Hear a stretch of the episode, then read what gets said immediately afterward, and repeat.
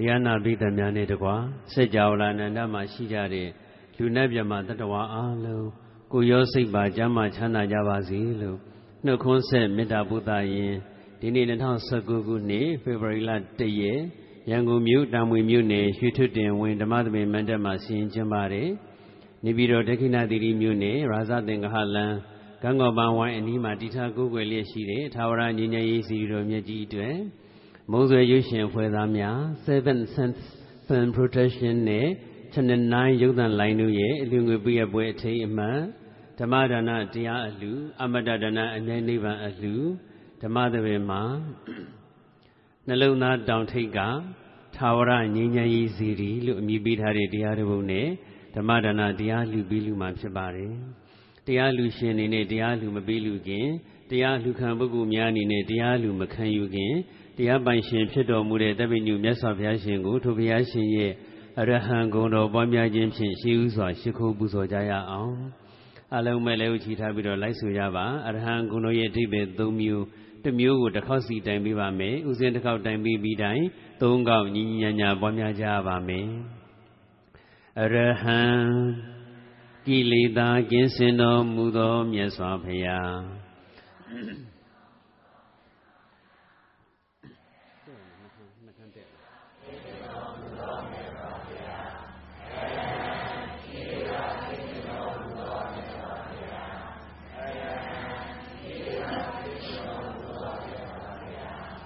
အရဟံစိတ်ွေရာရ၌ပင်မကောင်းမှုကိုပြုတော်မမူသောမြတ်စွာဘုရား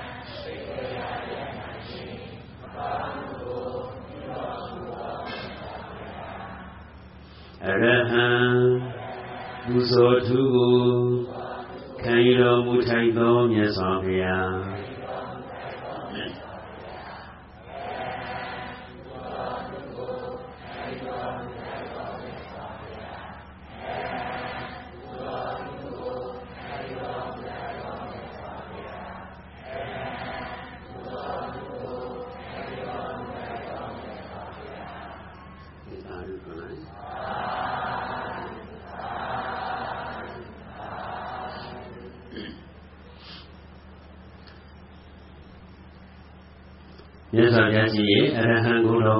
တော်ပေါင်းများပူဇော်ပြီးဖြစ်တဲ့အတွက်လက်ဥချီထားတာလေးကြီးချထားပြီးတော့မျက်လုံးလေးတွေပိတ်မထားပဲဖွင့်ထားပြီးတော့ထိုင်တဲ့ဣရိယာပုဂ္ဂိုလ်ရဲ့ပုံစံတစ်မျိုးညောင်းရင်ပုံစံတစ်မျိုးပြောင်းပြီးတော့သက်သာတဲ့ဣရိယာပုနဲ့ချမ်းသာစွာတရားနာယူနိုင်ကြပါပြီဒီနေ့ဟောမယ့်တရားကောင်းစဉ်ကပါလေလေနှလုံးသားတောင်ထိပ်ကသာဝရညီငယ်ရေးစီဒီနေ့ကျင်းပတဲ့တရားဝဲက သာဝရညီငယ်ကြီးစီတွေအတွက်ကျူဝေပေးအပ်ပွဲအချိန်မှန်နေနဲ့ကျင်းပတဲ့တရားပွဲသာဝရညီငယ်ကြီးစီတွေအတွက်ကျူတော်ဝေပေးရတဲ့အပေါ်မှာအနုမောဒနာတရားဖြစ်နေဟောပြရတဲ့တရားပွဲဆိုတော့အနုမောဒနာတရားပေါ့အနုမောဒနာတရားဆိုတော့လေလူရင်းတူချင်းလေးတူတူတူတူပြီးပဲဟောရမှာပေါ့ဒီကဘာမြေကြီးကို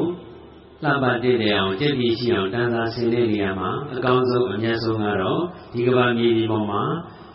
ဇီပထုဖျားတွေတီထားကိုဝင်ခြင်းပဲဒီကဘာမြေတွေကိုလှပဆုံးတင့်တယ်ဆုံးကြက်ပြီးအရှိဆုံးဖြစ်အောင်တန်စာဆင်းရဲနေဆိုရင်ဒီကဘာမြေပေါ်မှာဒီကဘာမြေကနေဖြစ်လာတဲ့မြေသားတွေသဲတွေထုံတွေကြောက်တွေစသဖြင့်ဖြစ်ပေါ့ဒီကဘာမြေကထွက်ပေါ်လာတဲ့မြေသားတွေနဲ့ကြောက်သားတွေနဲ့ပဲဖျားပထုဇီရီတွေတီထားတာဟာဒီကဘာမြေကိုအလှပဆုံးကြက်တီအရှိဆုံးတန်စာဆင်ခြင်းပဲဒီကဘာမြေပြင်ဟာဘလို့အဆောက်အဦမျိုးတွေကြောင့် ကြက်တီရှိနေတယ်လေလှပတင့်တယ်နေတယ်လေဆိုရင်ဖရာဘဒုဇီတီတွေကြောင့်လှပတင့်တယ်နေတယ်ကြက်တီရှိနေတယ်တခြားတခြားသောအဆောက်အဦတွေကြောင့်လည်းလှပတင့်တယ်ပါတယ်ကြက်တီရှိပါတယ်ဒါပေမဲ့အလှပဆုံးအတင့်တယ်ဆုံးကြက်တီအရှိဆုံးဖြစ်ရတာကတော့ဘုရားပထုဇီတီတွေကြောင့်ပဲသွားလျာမှာအမြန်လမ်းမှာပဲသွားသွားမြို့တွင်းမှာပဲသွားသွားပေါ့လေဟိုနေရာဒီနေရာသွားတယ်ဆိုရင်လမ်းဘေးမှာ လမ်းဘေးဝဲရမှာဖဖရာပထုစီရီတွေတွေ့ရတယ်အမြန်လန်းတွေပါတွေသွားတယ်အဝေးပြေးလန်းတွေသွားတယ်ဆိုရင်လည်းပဲလမ်းမေးဝဲရတွေမှာမြေပြန့်မှာပဲဖြစ်ဖြစ်ကုန်းကမှုလေးပေါ်မှာပဲဖြစ်ဖြစ်တောင်အနှိမ်လေးပေါ်မှာပဲဖြစ်ဖြစ်တောင်အမြင့်ကြီးတွေပေါ်မှာပဲဖြစ်ဖြစ်ဖရာပထုစီရီတွေကိုမကြာခဏဆိုသလိုကြိုးကြကြိုးကြတွေ့မြင်ရတယ်ဖူးမြော်ရတယ်တရားတရားရှိတဲ့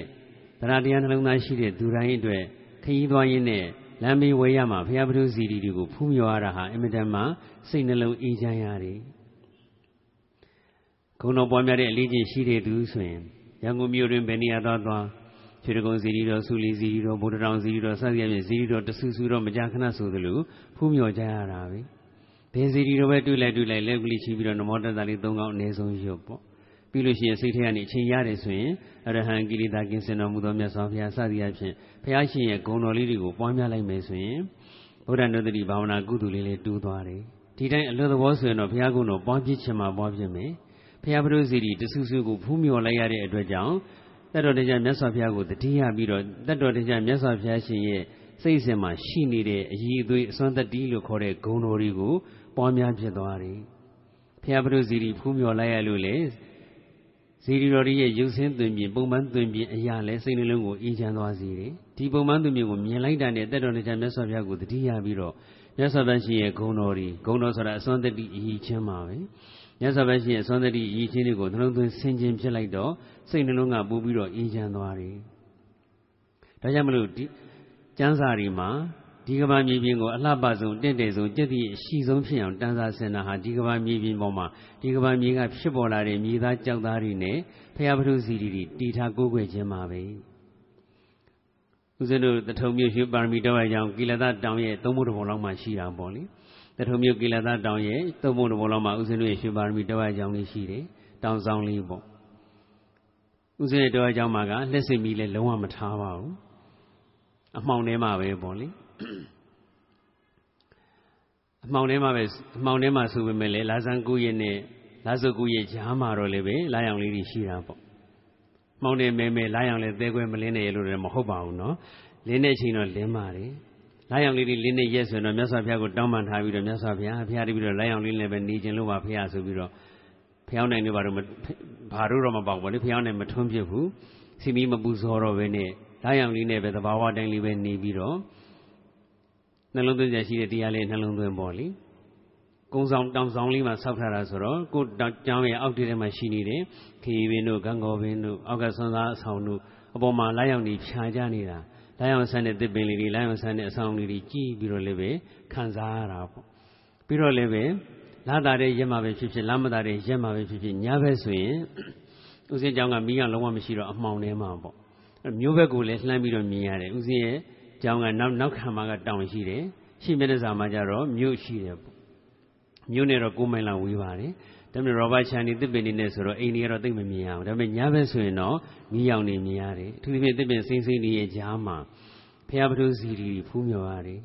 ခုလိုညဘက်ဆိုလို့ရှိရင်ဆလိုက်မီးတွေထိုးထားတဲ့အတွက်ကြောင့်ရွှေရောင်တဝန်းဝန်းနဲ့ဇီတီတော်တွေ၄၅စုလောက်ဖူးမြော်ရတယ်နေ့လည်းပဲသဘာဝလျောင်းနေဆိုတော့ဦးစင်းရဲ့တောင်ပေါ် မြို့ရင်းရှုကင်းကိုလှမ်းမြင်တဲ့နေရာကနေကြည်လိုက်ရင်ဇီတီတော်၉စုဖူးမြော်လို့ရပါတယ်ရည်ကြီးလည်းတော့၉စုမြင်နေရတာပေါ့ညဘက်ဆိုရင်တော့တချို့ဘုရားတွေကဆက်လိုက်မထိုးတဲ့အတွက်ကြောင့်မလို့၅စု6 5စုလောက်ပဲမြင်ရတယ်အဲ့တော့ညဘက်မောင်မောင်မဲမဲကြားမှာရွှေရောင်တမိုးနဲ့ဇီရီတော်၄၅6စုလောက်ဖူးမြော်ရတာဟာအင်မတန်မှကြည်နူးစရာကောင်းတယ်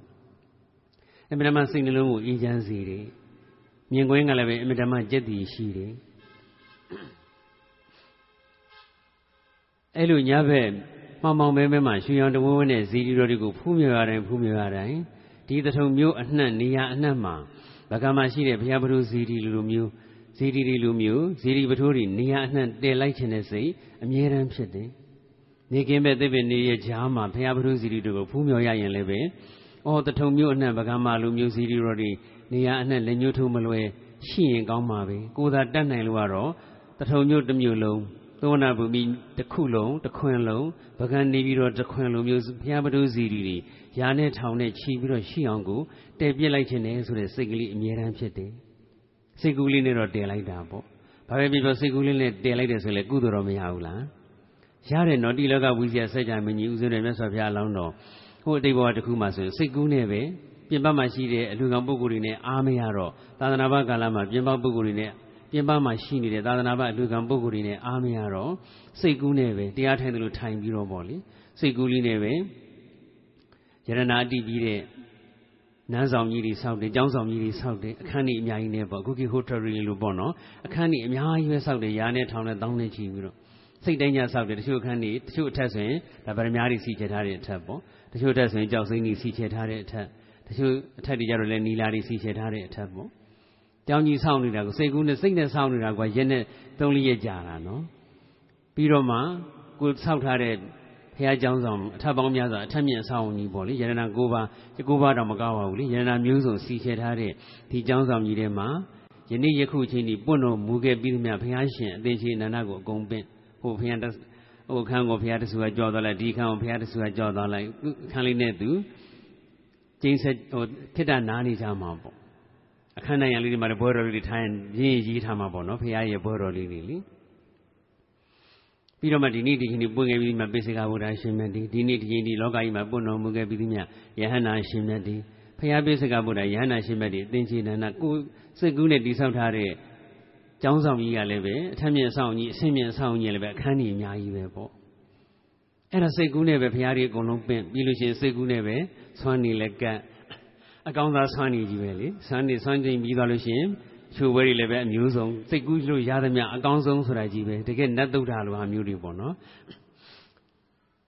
ချိုပွဲတွေလက်ကပ်ပြီးဖြော်ရည်တွေလက်ကပ်ဒါတနေ့လုံးကိုစိတ်ကူးနဲ့ဆောက်ထားတဲ့အကြောင်းမှာပဲ9ရက်လောက်ပေးတဲ့ရင်သုံးတာလေအဲသင်္ကန်းတွေလည်းလှူသူ့ချိန်နဲ့သူ့ညနေကျတော့ဖြော်ရည်တွေပါတယ်ဆက်ကပ်ညဘက်ကျတော့လည်းပဲခြေဆုပ်လက်နဲ့တခန်းဝင်တခန်းတွဲနဲ့ဘုရားပိစကဗုဒ္ဓယဟန္တာရှင်မြတ်တွေကိုခြေဆုပ်လက်နဲ့ပြု ဒါစိတ်ကူးလေးနဲ့လှူခဲ့ဘူးတာဒါခုကျောင်းကနေလှမ်းကြည့်လိုက်လို့ရှိရင်ဘုရားကြီးကိုးစုဖူးမြော်လို့ဘုရားကြီးအများကြီးတည်ခွင့်ရရင်ကောင်းမှာပဲလေစိတ်ကူးလေးနဲ့တည်ဖြစ်တယ်ဆိုတဲ့အကြောင်းလေးပြောနေစကားစားလေးကောင်းတဲ့စကားစားလေးရပြီးကောင်းတဲ့ပေါ်လာလို့ပြောမိသွားတာပါအဲ့တော့တိလကဝိဇ္ဇာစัจ जा မင်းကြီးဘုရားလောင်းတော်စိတ်ကူးလေးနဲ့ကျောင်းနေဆောက်စိတ်ကူးနဲ့ဘုရားပိစကဗုဒ္ဓရဟန္တာရှင်မြတ်တီပင့်ပြီးတော့စိတ်ကူးနဲ့ပဲဆွမ်းနေကစိတ်ကူးနဲ့ပဲသင်္ကန်းလေးလှူလှူခဲ့ဘူးတယ် လက်တွေ့လက်ကမပါဘလို့ဘယ်လိုလုပ်ကုသိုလ်ရမလဲထင်မှာတကယ်လက်တွေ့အပြင်မှာကဘုရားပိစကဗုဒ္ဓရဟန္တာရှင်မြတ်တီကရှိမှမရှိပဲအပြင်မှာတကယ်ရှိတဲ့အလူကံပုဂ္ဂိုလ်တွေကိုလည်းလှူပါတယ်ဒါပေမဲ့အားမရတဲ့အတွက်ကြောင့်အပြင်မှာတကယ်မရှိတဲ့အလူကံပုဂ္ဂိုလ်တွေကိုစိတ်ကူးနဲ့ပဲဖန်ဆင်းပြီးတော့စိတ်ကူးနဲ့ပဲဖန်တီးပြီးတော့လှူဒန်းနေကုသပြုရတာအားမရလို့နော်အဲ့တော့ဦးဇင်းတို့လည်းပဲခုလောလောဆယ်တော့စိတ်ကူးနဲ့ပဲတထုံမျိုးတစ်ခွင်လုံးပကံနေပြီးတော့မှလို့ဖရာဘုရုစီတီအများကြီးပဲတည်ပြလိုက်တယ် ခုတရားနာပိသများရောခုဦးဇင်းပြောနေတဲ့ဦးဇင်းရဲ့စကားနောက်ကိုကတ်လိုက်ရင်းနဲ့တည်လိုက်ပြီလားဘယ်နှစုလောက်တည်လိုက်ပြီတော့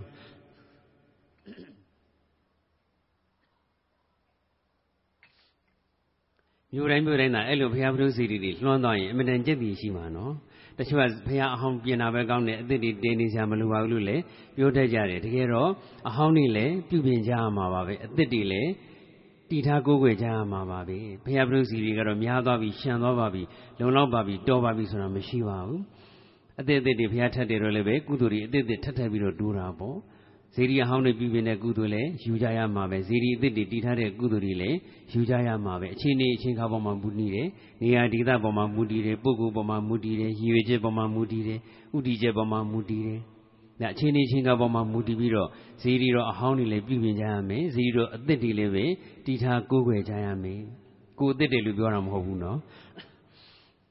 အဲ့တော့အမြန်လန်းနေမှာတထုံနဲ့ရန်ကုန်လာလို့ရှိရင်လမ်းမေးဝဲရဘုရားပထုစီရီအများကြီးဖူးမြော်ရတော့ကိုကိုယ်တိုင်တော့ဘုရားမတည်ဘူးပဲမယ်လို့ဘုရားတည်တဲ့ပုဂ္ဂိုလ်ကြီးဘယ်သူပဲမှမသိပေမဲ့လို့သိတဲ့ဘုရားလည်းသိတာပေါ့လေမသိတဲ့ဘုရားလည်းပဲဇီရီတည်တဲ့လူတွေကိုကျေးဇူးအများတင်တယ်ဘုရားကလည်းဖူးမြော်ကိုယ်တော်လည်းပွိုင်းတယ်ဒီဘုရားတည်တဲ့ လူရှင်တွေကြမ်းမှချမ်းသာကြပါစေဘုရားကိုဥဆောင်တဲ့ဆရာတော်တွေနဲ့တော့လူရှင်တွေအားလုံးကျေးဇူးအများကြီးတင်ပါတယ်နဲ့စိတ်ထဲကလည်းကျေးဇူးတင်စကားလေးလည်းပြောရတာပေါ့သူတို့ကြည်စူးကြောင့်သာသွားလျက်မှာဘုရားပထုစီရီတွေဖူးမြော်ပြီးတော့ဖူးမြော်လိုက်တိုင်းဖူးမြော်လိုက်တိုင်းဘုရားကုံတော်တွေပွားများတဲ့ဗုဒ္ဓနုတ္တိကုသိုလ်တွေတိုးလာတာလေဒါကြောင့်မလို့ဘုရားပထုစီရီတဲတဲ့လူတွေကိုမတဲတော့မှတဲတဲ့သူတွေကိုအမြဲတမ်းကြည်စူးတင်တဲ့နဲ့အပြစ်မပြောသင့်ဘူးဘုရားပထုစီရီလို့ပြောလိုက်တော့ကိုကြော်ထက်အောင်ဖြေမလားဖြေပါမယ်ဗျာ ဖះဆိုတော့ဖះကိုဘာဖြစ်လို့ဖះလို့ခေါ်တာဖះဆိုတာအဓိပ္ပာယ်ပါတော့တူမရှိဟုတ်လွယ်တာလေးပဲမေးတာပါနော်ဘာလို့ဖရာလို့ခေါ်တာနော်အတူမရှိမြတ်စွာဘုရားအတူမရှိလို့ဟိုဖះဆိုတဲ့စကားလုံးလေးကိုပြောတာလေဆိုတော့ယောက်ျားဆိုလို့ရှိရင်အော်ရောက်လျာကြာကြာကြာကြာနေလို့ဆိုတဲ့အဲ့ဒီလိုအထိပ္ပယ်မျိုးပေါ့တင်ပါ လူဆိုလို့ရှိရင်လည်းအညွန့်တလူလူမလို့လူလို့ခေါ်တယ်ဆိုတာလို့လေလူဆိုတဲ့စကားလုံးလေးကိုပဲဘာလို့လူခေါ်တယ်လဲအညွန့်တလူလူတိုးတက်နေလူအချိန်နဲ့မျှနေရနဲ့မျှကိုယ့်ရဲ့ဘဝကိုယ့်ရဲ့စိတ်ကြီးစိတ်သေးကိုယ်ကြီးကိုယ်သူတွေဟာအမြဲတမ်းတလူလူတိုးတက်နေလို့လူလို့ခေါ်တယ်အဲ့ဒီလိုမျိုးပေါ့ဖះဆိုတော့လေသူ့အတန်တွယ်လေးတိုင်းအထိပ္ပယ်ပါတော့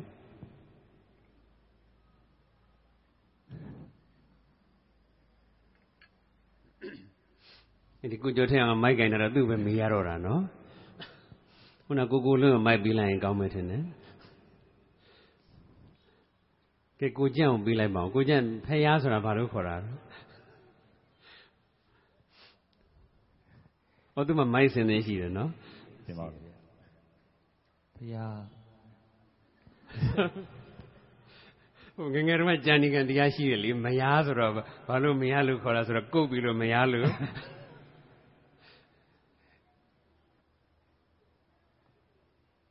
ရှင်ပြမိတ်မနာရောမှာပါဗျာ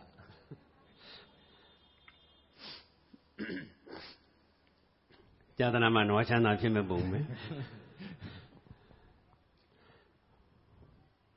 ကဲကိုမင်းမော်ကုန်းပြီးလိုက်ရောမလေးရုပ်တန်ကြီးကြည့်တဲ့သူတွေလည်းတရုပ်ဆောင်နေဖြေးတယ်ဆိုတော့သူကနားထောင်နေကြတယ်ဆိုတော့တရားပုတရားမိုက်လေးတွေပေးလိုက်တာကောင်းတင်ပါဟို တယ်တရုပ်ဆောင်ကဲတရုပ်ဆောင်နေမိတ်ဆက်ပြီးသားဆိုတော့တာပါဟိုဘက်ကတရားကတရုပ်ဆောင်ဘာလို့လဲ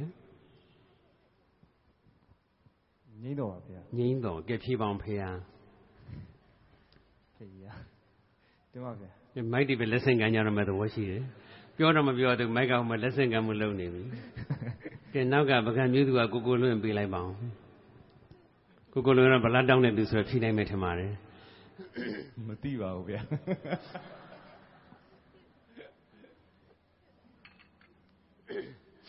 ကိုကိုလွင့်ဆိုတော့တရုပ်ဆောင်နာမည်ဟိုဇက်ကောင်နာမည်ဇက်ဆောင်နာမည်ပြောရတာပေါ့လေနော်တရုပ်ဆောင်ထူအောင်ထူးထူးခြားခြားကိုအောင်မြင်တယ်ဆိုတော့တိကိုတိမှရမယ်မသိပါဘူးဗျာ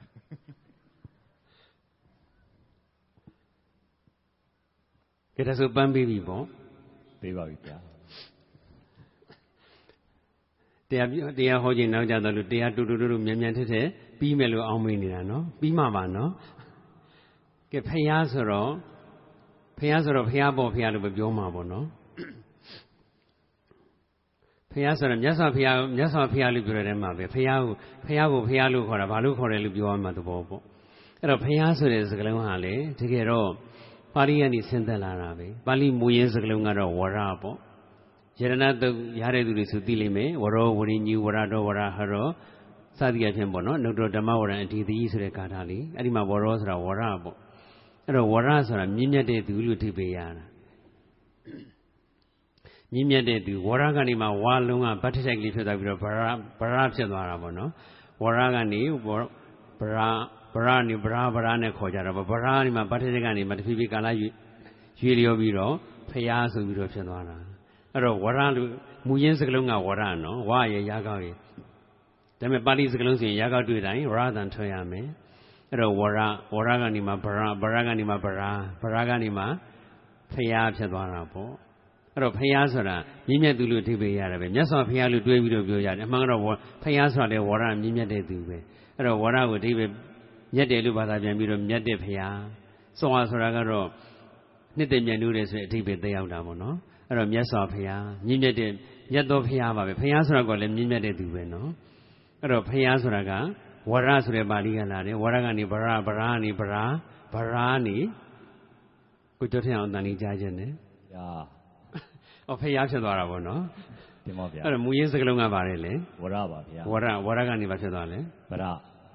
ဗရာကနေဖရာဖြစ်သွားပါတယ်ဗျာ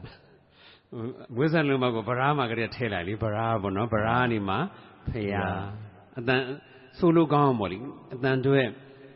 ဝါစာတိလိထလို့ခေါ်တာပေါ့နော်ခေါ်ရတာ ပို့ပြီးတော့ပြည့်ပြည့်ချောမောအောင်လို့ဆိုပြီးတော့နှုတ်ထွက်ရတာအားပါအောင်ဆိုပြီးတော့ဆိုရေးဆိုရင်လည်းနောက်တော့ဖျားဖြစ်သွားတာအဲ့တော့ဖျားဖလူစီဒီဖျားကတော့တိသွားပြီနော်ပထိုးကြတော့ဘာလို့ခေါ်တာနော်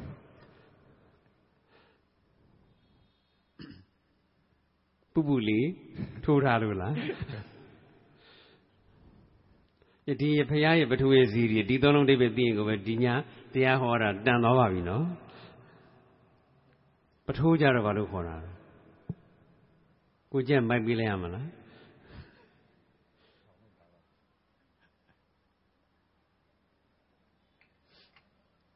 ကကြော်လိုက်မယ်လေဇီရီကြတော့ရောစေခိုင်းပြီးတရားလို့လား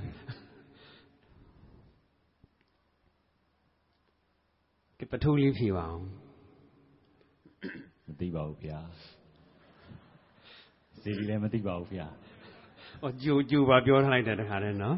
။အဲ့တော့နှစ်ပုတ်လုံးတခါတည်းရှင်းရရမယ့်သဘောပေါ့တင်ပါပါဗျာ။အဲ့တော့တကယ်တော့ကုသိပိတဲ့ဟိုဝရကတော့ထားပါတော့နည်းနည်းမသိသလိုလိုလေးရှိတာပေါ့နော်။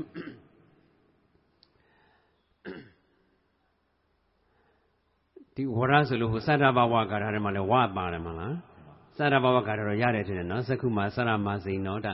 ဟိုအကြောင်း၄ကြောင်းဆင်လိုက်ရှေ့ဆုံးစလုံးတွေကစရဓာရဘရဝရဖြစ်နေတာ။ စက္ခုမှာစရမစိန်နော်ဆိုတော့စလုံးနဲ့စတာပေါ့နောက်တစ်ခုကဓမ္မညူဓမ္မတာမိကောဆိုတော့ဓာတ်ချင်နဲ့စတယ်ပြီးတော့ဘလူပိတော်ဗလာတရောဘာတစ်ချိုက်နဲ့စတာပေါ့နော်နောက်ဆုံးဝါကြတော့ဝရတော်ဒီတုမေဝရံဆိုတာဝရဆိုတာအဲ့ဒီခုနကဝရောဝရိညူဝရတော်ဆိုတဲ့ယရဏတုထဲမှာလည်းတည်းရပါပြီးသားပဲနော်အဲ့တော့ဝရကနေဖျားလာတယ်ပထိုးဆိုတာလည်းတကယ်တော့ဘာမှမခက်ဘူးအားလုံးသိနေကြပြီသားဂုံတော်ကိုးပါးထဲမှာဗုဒ္ဓလို့မရှိဘူးလားရှိပါဗျာ ထိတ်ကနေဆိုရောင်တော့လို့ရှိရင်ဗုဒ္ဓမြတ်စွာဘုရားနဲ့လေအဲ့တော့မူရင်းကတော့ဗုဒ္ဓပဲဗုဒ္ဓကနေမှ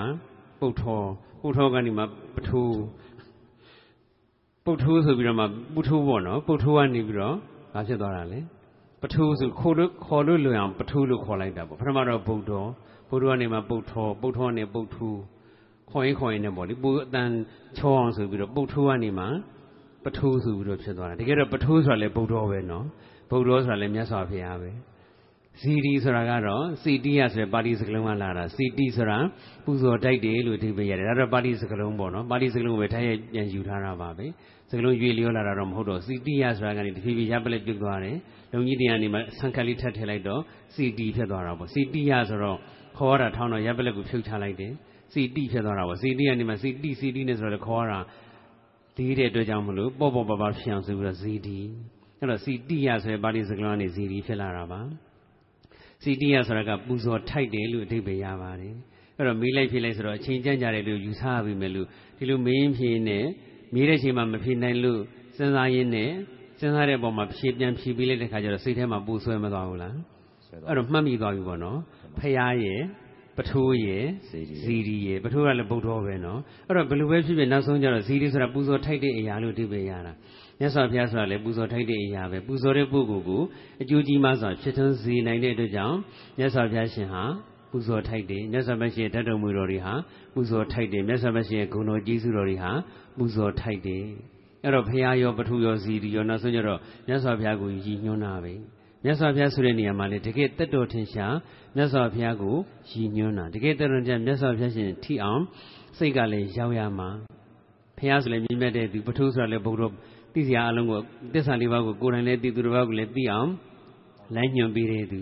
စိတ္တိယဆိုတာလည်းပူဇော်အရဟံတဲ့သဘောချင်းတူတာပေါ့ပူဇော်တဲ့ပုဂ္ဂိုလ်ကိုအကျိုးကြီးမှဆိုဖြစ်ထွန်းစေနိုင်တဲ့အတွက်ကြောင့်ကိုပဲပူဇော်ထိုက်တဲ့သူပူဇော်ထိုက်တဲ့အရာ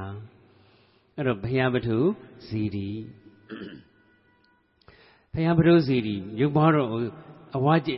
အောက်ခြေမှာအဝါကျကျလေးနဲ့တဖြည်းဖြည်းအဖျားကိုရှူသွားတယ်ဇီဒီပုံစံဇီဒီတော်ကိုပဲတွေ့တွေ့ရုပ်ပွားတော်ကိုပဲတွေ့တွေ့ ဇီဒီရုပ်ဇီဒီတော်ရုပ်ပွားတော်တွေကိုတွေ့လိုက်တိုင်းတွေ့လိုက်တိုင်းကိုယ်စိတ်ကကိုယ်ရှိမှတွေ့ရတဲ့ဇီဒီတော်ရုပ်ပွားတော်မှာတင်စိတ်ကရက်တန့်မနေဘဲနဲ့တကယ်တော်တော်တရားမြတ်စွာဘုရားရှင်ထိအောင်စိတ်ကရောက်ရမယ်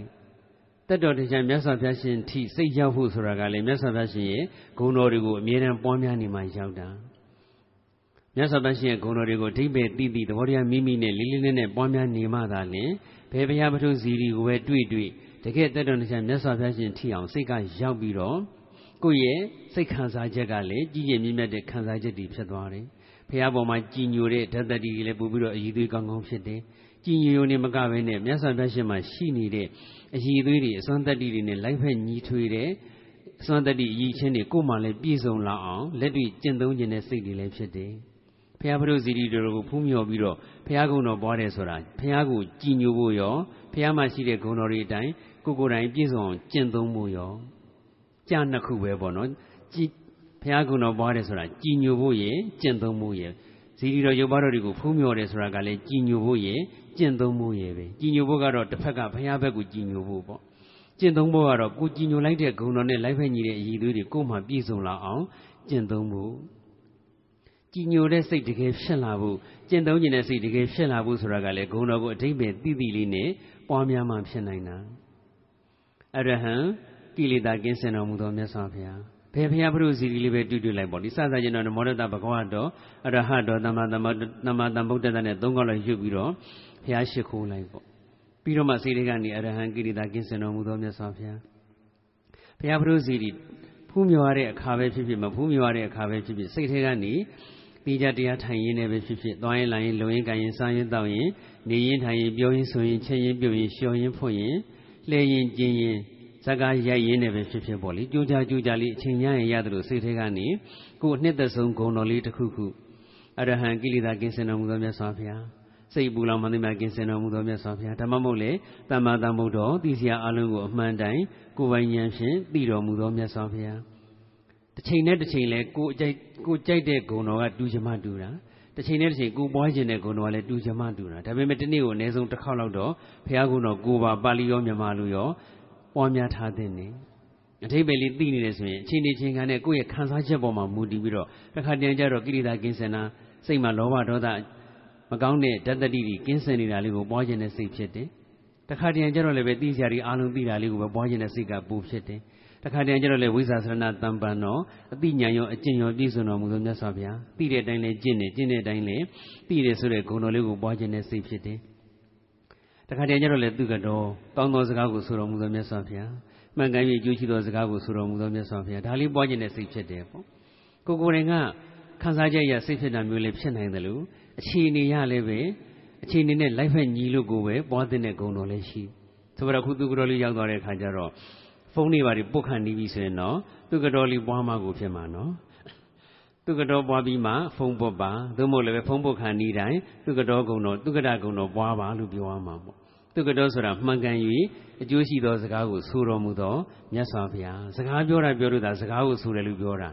ခုခေတ်ကျတော့လူမှုကွေတုံမှာစာရီရေးပြီးတော့တင်တယ်ဆိုတော့စာရေးတယ်ဆိုတာလည်းစကားပြောတာပဲလေဒါကြောင့်မလို့ခုခေတ်အနေနဲ့ပေါင်းမယ်ဆိုရင်သူကတော်မှန်ကန်၍အကျိုးရှိသောစကားကိုသာဆိုတော်မူသောမြတ်စွာဘုရား မှန်ကန်၍အကျိုးရှိသောအကြောင်းအရာကိုသာတင်တော်မူသောမြတ်စွာဘုရားမှန်ကန်၍အကျိုးရှိသောအကြောင်းအရာကိုသာလိုက်တော်မူသောမြတ်စွာဘုရားမှန်ကန်၍အကျိုးရှိသောအကြောင်းအရာကိုသာ comment ပေးတော်မူသောမြတ်စွာဘုရားမှန်ကန်၍အကျိုးရှိသောအကြောင်းအရာကိုသာ share တော်မူသောမြတ်စွာဘုရားပွားလို့မရဘူးလားတော့မြတ်စွာဘုရားရှင်ကတော့ဖုံးမပုတ်တော့ဘူးဆိုတော့အဲ့ဒီတိုင်းတော့မပွားဘူးပေါ့လေဒါပေမဲ့လို့မြတ်စွာဘုရားမှန်ကန်၍အကျိုးရှိသောစကားကိုပဲပြောတယ်ဆိုတာလေးကိုပွားရင်းနဲ့ကိုကိုကို ပြန်သတိပေးရမှာငါခုဖုံးပုတ်တော့မယ်တခုခုတင်တော့မယ်ဓမ္မမို့လဲ comment တခုခုပြီးတော့မယ်ကဲမှန်လဲမှန်ရမယ်အကျိုးလဲရှိရမယ်မှန်တယ်ဆိုတိုင်းပြောတဲ့နာမဟုတ်ဘူးမှန်တယ်ဆိုတိုင်းလဲတင်တဲ့နာမဟုတ်ဘူးနော်သူကတဂုံတော်အရာဆိုရင်မှန်လဲမှန်ရမယ်အကျိုးလဲရှိရမယ်မှန်ပေမဲ့လို့အကျိုးမရှိဘူးအကျိုးမရှိဆိုတာချစ်ခင်တဲ့သူတွေစီလုံးညီညွတ်နေတဲ့သူတွေချစ်ခင်မှုစီလုံးညီညွတ်မှုကွဲပြားသွားစေတယ်တယောက်နဲ့တယောက်အခင်မင်ပြတ်သွားစေတယ်မိပြတ်သွားစေတယ် ဒီလိုအကြောင်းအရာမျိုးဆိုရင်လည်းပဲကိုသိထားတဲ့အကြောင်းအရာကဘယ်တော့ပဲမှန်မှန်တင်စရာမလိုတချို့ကဘာရလဲမို့ထိကနေရှိတန်းတင်လိုက်ချင်တာလေတခုခုအကြောင်းအရာတခုကိုသိလိုက်တဲ့ဆိုရင်တရားကိုလှမ်းပြီးတော့ပြောလိုက်ချင်တယ်ဒါမှမဟုတ်လည်းပဲတရားကိုပြောနေအဲ့တယောက်ပဲသိမှဆိုတော့တင်လိုက်လို့ရှိရင်တော့လူအများပိုသိတယ်ဆိုပြီးတော့ထိကနေရှိတန်းရေးပြီးတော့တင်ပြလိုက်ခြင်းတယ်ဒါပေမဲ့ကိုတင်လိုက်တဲ့အကြောင်းအရာသူများဖတ်ပြီးတဲ့အခါကျတော့တယောက်နဲ့တယောက်ကြားမှာချစ်ခင်မှုစီလုံးညီညွတ်မှုတွေကွဲပြားသွားစေတယ်မိတ်ပြတ်သွားစေတယ်ခင်မင်ပြတ်သွားစေတယ်ဒါဆိုရင်ဒါပိသုနာဝါစာဆွဲတဲ့အကျုံးဝင်သွားတာပေါ့ အဲ့လိုကွဲပြားတာမျိုးမဖြစ်ပင်ပဲလည်းပဲကိုရေးတင်လိုက်တဲ့အကြောင်းအကြောင်းသူတို့ဘာစိတ်ညစ်သွားတယ်စိတ်ထိခိုက်သွားတယ်စိတ်နှောက်ယှက်ဖြစ်သွားတယ်ဂုံသိက္ခာထိခိုက်သွားတယ်ဂုံသိက္ခာကျဆင်းသွားတယ်ပတ်ဝန်းကျင်အလယ်မှာမျက်နာငယ်ရတယ်ပတ်ဝန်းကျင်အလယ်မှာခေါင်းမဖော်ဝန်းနိုင်အောင်ဖြစ်သွားရတယ်တချို့များဆိုရင်ကိုယ့်အကြောင်းသူများကရုပ်သံလေးရိုက်ပြီးတော့တင်လိုက်တဲ့အတွက်ကြောင့်မလို့အချက်တကွဲအကျိုးနဲ့ဖြစ်ကိုယ့်ကိုယ်ကိုသက်သေသွားတာမျိုးလည်းမရှိဘူးလား ရှိတယ်ကိုကတော့ဘာရဲလို့မဟုတ်ဥရဲဆိုရင်ပြီးရောကိုသိတာလေငါဥအောင်တင်နိုင်နေဆိုပြီးတော့တင်လိုက်တာဒါပေမဲ့အတင်ခံရတဲ့သူအတင်ခံရတဲ့သူကိုကိုကခွန့်တောင်းပြီးတင်တာလည်းမဟုတ်ဘူးလေအဲ့ဒါတင်လိုက်တဲ့ခါကျတော့သူတော်ဘာဆိုးကျိုးဖြစ်သွားတယ်အဲ့ဒါဆိုရင်ဖရုဒဝါစာတဲ့အကျုံးဝင်တာပဲငါကင်တုတ်ပြီးတော့ဆဲမှစလဖအခရာတွေနဲ့ဆဲမှဖရုဒလို့ခေါ်တာမဟုတ်ဖရုဒဆိုတာကြမ်းတမ်းတာပဲကြမ်းတမ်းတဲ့ဆိုတာထိခိုက်တာပဲကြမ်းတမ်းတဲ့ပစုဝတ်မယ်ဆိုရင်ကိုယ်အသားနုတယ်ဆိုလို့ရှိရင်ပေါင်တို့ခြေသလုံးတို့ထိခိုက်တယ်လို့ပဲပေါ့ ဖရုဒဆိုတာကြမ်းတမ်းတဲ့ဆိုတာသူတစ်ပါးအတွက်ထိခိုက်သွားတယ်ဆိုရင်ကြမ်းတမ်းတဲ့စကားလို့ခေါ်တာပဲစိတ်ထိခိုက်သွားတယ်ဂုံသိက္ခာထိခိုက်သွားတယ်အကျိုးစီးပွားတွေထိခိုက်သွားတယ်ဒါဆိုရင်မှန်းပြီးမဲ့လို့အကျိုးမရှိဘူးပေါ့ဒါဆိုလို့ရှိရင်တော့ကိုကိုယ်တိုင်လည်းမတင်နဲ့သူများတင်နိုင်လည်းလိုက်ပြီးတော့ကြိုက်ပါတယ်မှတ်ချက်တွေပေးတာတို့မျှဝေတာတို့မလုပ်နဲ့ပေါ့မှန်မိမယ်လို့လည်းပဲဘာအကျိုးမှမရှိအရေးမရဖတ်မရခဏတစ်ခုပြုံးရယုံကြည်ရယုံလေးပဲဆိုရင်လည်းပဲဒါတန်ဖတ်ပရာပါတဲ့အကျုံးဝင်နေမှာမဟုတ်လို့မတင်နဲ့ပေါ့ သင်္ကန်းစာယူတတ်တဲ့လူတက်တော့လေတခါတည်းဘာရမဟုတ်တာလေးကလည်းစိတ်နေစိတ်ထိုင်ပြောင်းလဲသွားတာမျိုးကောက်ချက်ချတတ်သွားလို့အကျိုးရှိသွားတာမျိုးလည်းရှာရှာပါပါရှိတော့ရှိတတ်ပါတယ်ဒါပေမဲ့ဘာပဲဖြစ်ဖြစ်စကားတခွန်းပြောကနေတော့သိချာစဉ်းစားရမယ်ဒါကဂုဏတော်ပွားကြီးရဲ့အနှစ်သာရကိုပြောတာနော်ဒါကြောင့်မလို့သူကတော့မှန်ကန်ပြီးအကျိုးရှိသောစကားကိုသာဆိုတော်မူသောမြတ်စွာဘုရားလို့သာကိုကအမြဲတမ်းပွားများနေမယ်ဆိုရင်ကိုတကယ်လက်တွေ့ပြောစရာရေးစရာတွေရှိတဲ့အခါမှာဘုရားရဲ့ အည်သွေးအစွမ်းတတ္တိတန်ကိုကကျင့်သုံးပြတ်မသွားဘူးလားကျင့်သုံးပြတ်သွားတယ်ဒါကြောင့်ဂုဏတော်ပွားရဲဆိုတာကြည်ညိုဖို့ရောကျင့်သုံးဖို့ရောကြည်ညိုတတ်တတ်မဟုတ်ဘူးနော်ပါဠိတက်တက်ပဲရွတ်တယ်ဆိုတော့ကြည်ညိုတဲ့အဆင့်တော့ဖြစ်ဖို့မလွယ်ဘူးအထိပ္ပယ်မသိဘဲနဲ့ကြည်ညိုဖို့ဆိုတာမလွယ်ဘူးလေအထိပ္ပယ်ကိုသိမှသာလျှင်မြတ်စွာဘုရားရှင်အည်သေးဆုံးတတိကိုကြည်ညိုတဲ့စိတ်ဖြစ်မှာပေါ့နမို့ရင်တော့တနေ့ကိုအရဟံပရိဆေဘစေတော့ဇီဝတက်တဲ့ယာရုတူတယ်ဇီအောင်ကောင်းတဲ့ကျန်စီအောင်မြင်တဲ့လူပဲဆန္ဒတွေပြီးွားတဲ့ဆိုလို့သာရွတ်နေတာပဲရှိတယ်အခောက်ရင်များများရွတ်နိုင်ဖို့ ပရိအပိုက်ရင်များများရွတ်နိုင်ဖို့ပဲအဓိကထားတာဒီပါဠိစကားလုံးလေးကိုအခောက်ရင်များများရွတ်တော့အကျိုးကြီးမှပဲဆိုတဲ့သဘောနဲ့သာရွတ်နေတာအတိပ္ပယ်မသိဘူးဆိုရင်ဘုရားကိုကြည်ညိုတဲ့စိတ်ကောတကယ်ဖြစ်ရဲ့လားမဖြစ်ဘူးနော်ကိုငယ်စဉ်ကတည်းကလူကြီးသူမတွေမိဘဆရာသမားတွေဆရာတော်တန်ဃာတော်တွေကဘုရားအကြောင်းကိုမြန်မာလူရှင်းပြထားလို့သာမြန်မာလူသိနေလို့ကိုကကြည်ညိုတာဒါပေမဲ့ကြည်ညိုလို့ဆိုပြီးတော့ဘုရားကုံတော်ဘောတော့ပါဠိတက်တက်ပွားတဲ့အခါကျတော့ မျောလင်းသလောက်ကြည်ညိုတဲ့စိတ်ဖြစ်မလာတော့ဒါကြောင့်ဂုံတော်ပွားတဲ့နေရာမှာအရန်ကြီးအကျေတွင်မချဲ့ထွင်နိုင်တောင်မှလူရင်းတူရှင်လေးမြန်မာဘာသာလေးနဲ့တော့စဉ်းစားပြီးတွဲပြီးတော့ပွားများသင့်နေအဲ့လိုဆိုတော့ခုနသူကတော်လေးနဲ့တွေကိုအကျိုးမများဘူးလားအကျိုးများတယ်နော်လောကဝိတုဆိုလဲလောကသုံးပါးသိတာပေါ့စသဖြင့်ဖြစ်ပေါ့လေအဲ့တော့မြတ်စွာဘုရားရှင်ရဲ့ဂုဏ်တော်တွေကိုအထိပ္ပယ်သိသိနဲ့သဘောတရားမိမိနဲ့လေးလေးနက်နက်ကြည်ကြည်ပြန့်ပြန့်နက်နက်ရှိုင်းရှိုင်းလေးသာပွားများထားမယ်ဆိုရင် ဘယ်ဘုရားပထုစီရီကိုပဲတွေ့တွေ့ဘယ်ရုပ်ဘာတော်ကိုပဲတွေ့တွေ့ဇီရီဖျံပရုဇီရီဆိုတဲ့ရုပ်ဝတ္ထုရုပ်ဘာတော်ဆိုတဲ့ရုပ်ဝတ္ထုမှာတည်းရက်တန့်မနေဘဲနဲ့တကယ်တဲ့တော်နေချမြတ်စွာဘုရားရှင်ထိအောင်စိတ်ကရောက်သွားပါတယ်အဲ့လိုစိတ်ကရောက်သွားတယ်ဆိုရင်တော့မြတ်စွာဘုရားပရုဇီရီကိုပဲပူဇော်ပူဇော်ရုပ်ဘာတော်ကိုပဲပူဇော်ပူဇော်တကယ်တဲ့တော်နေချမြတ်စွာဘုရားကိုပူဇော်ရတဲ့ကဲ့သို့ထတ်တူထမ်းမြအကျိုးကြီးတယ် မြတ်စွာဘုရားရှင်ကိုတော်တိုင်ကလည်းဟောထားပြီးသားပဲလေတိဋ္ဌံဒီနေဘူးဒီစပြီးသမီစိတ်ဒီတမန်ဖလံတက်တော်ထင်ရှားမြတ်စွာဘုရားအပေါ်မှာပဲဖြစ်ဖြစ်ပြိဋိဘံစံပြီးသွားတဲ့တက်တော်တရားမရှိတော့တဲ့မြတ်စွာဘုရားရှင်အပေါ်မှာပဲဖြစ်ဖြစ်စိတ်ကိုထတ်တူထမ်းမြထားနိုင်ရင်အကျိုးပေးကလည်းထတ်တူထမ်းမြရပါတယ်။သမီးစိတ်တွေတမန်ဖလန်စိတ်ကထတ်တူဆိုရင်ဖလားလို့ခေါ်တဲ့အကျိုးပေးကလည်းထတ်တူပါပဲ။တကယ်တက်တော်တရားမြတ်စွာဘုရားကိုဆွမ်းလောင်းတော့တော့ဘယ်အကျိုးကြီးမလဲလေ။ တကယ်တက်တော်တရားမြတ်စွာဘုရားကိုတတ်တော်ကြီးချမ်းဆက်ကတော့တော့ဘယ်အကျိုးကြီးမလဲလေလို့မထင်လိုက်ပါနဲ့။အကျိုးမကြီးလောက်ဘူးလို့ထင်နေတယ်ဆိုရင်ကိုဟာတကယ်တက်တော်တရားမြတ်စွာဘုရားရှင်ထိအောင်အာယုံမရောက်နိုင်လို့တက်တော်တရားမြတ်စွာဘုရားရှင်ထိအောင်အာယုံမရောက်နိုင်ဘူးဆိုတာကလည်းမြတ်စွာဘုရားရှင်ဂုဏ်တော်တွေကိုအဓိပ္ပာယ်သိသိနဲ့သဘောတရားမိမိလေးလေးနက်နက်မပွားများလို့အဓိပ္ပာယ်သိသိလေးနဲ့သာပွားများရင်ဘုရားတက်တော်တရားမြတ်စွာဘုရားထိအောင်စိတ်ကအာယုံရောက်တယ်အဓိပ္ပာယ်သိမှလည်းကြီးညိုတဲ့စိတ်ကဖြစ်တာလေ ခုခေတ်ကိုရီးယားဇာလန်တွေတို့အိန္ဒိယဇာလန်တွေတို့တရုတ်ဇာလန်တွေတို့ကိုလူတွေဆွဆွမြဲမြဲနဲ့ကြည်နေကြတယ်ဆိုတာဘာဖြစ်လို့တော့ကိုကြော်ထက်အောင်တင်ပါဗျာဟလာဒကမိုက်တို့ဒေါ်နမ်းမောင်းလောက်ဆိုင်တို့မမီမီတို့ရုပ်တန် Skynet ကရုပ်တန်လိုင်းအသီးသီးမှာလည်းပဲဇလန်တွေကြီးကြတယ်မလားအဲ့လူတွေကဆွဆွမြဲမြဲလी ဒီချိန်ရောက်ပြီဆိုရင်တခါတည်းအိုးဖွဲပကံဆေးတိုင်းတော့ခဏရက်ထားနောက်မှဆေးမယ်ဆိုပြီးတော့အပြေးလွှာသွားကြည့်ကြဘာဖြစ်လို့ကြည့်ကြတာဆွဲလန်းလို့ပါဗျာဆွဲလန်းလို့ဘာဖြစ်လို့ဆွဲလန်းတာ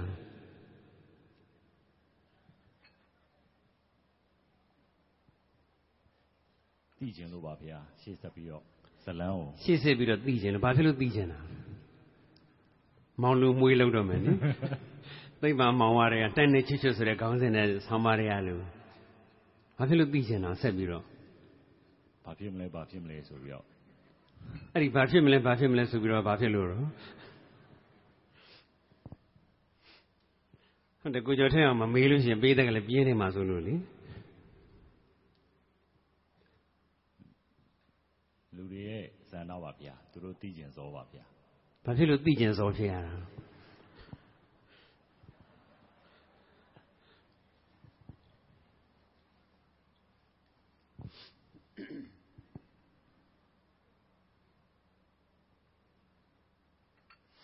တိတ်ပဲသိနေလို့ပါဗျာဘာဖြစ်လို့သိကျင်တယ်လဲဆိုတော့အထိပ္ပယ်သိလို့ဘာဖြစ်လို့အထိပ္ပယ်သိတာလဲဆိုရင်ဇက်ရဲ့အနှစ်သာရကိုဟိုအဖြေကမှန်ကန်လေးကျမှကတ်လွယ်သွားတယ်နော်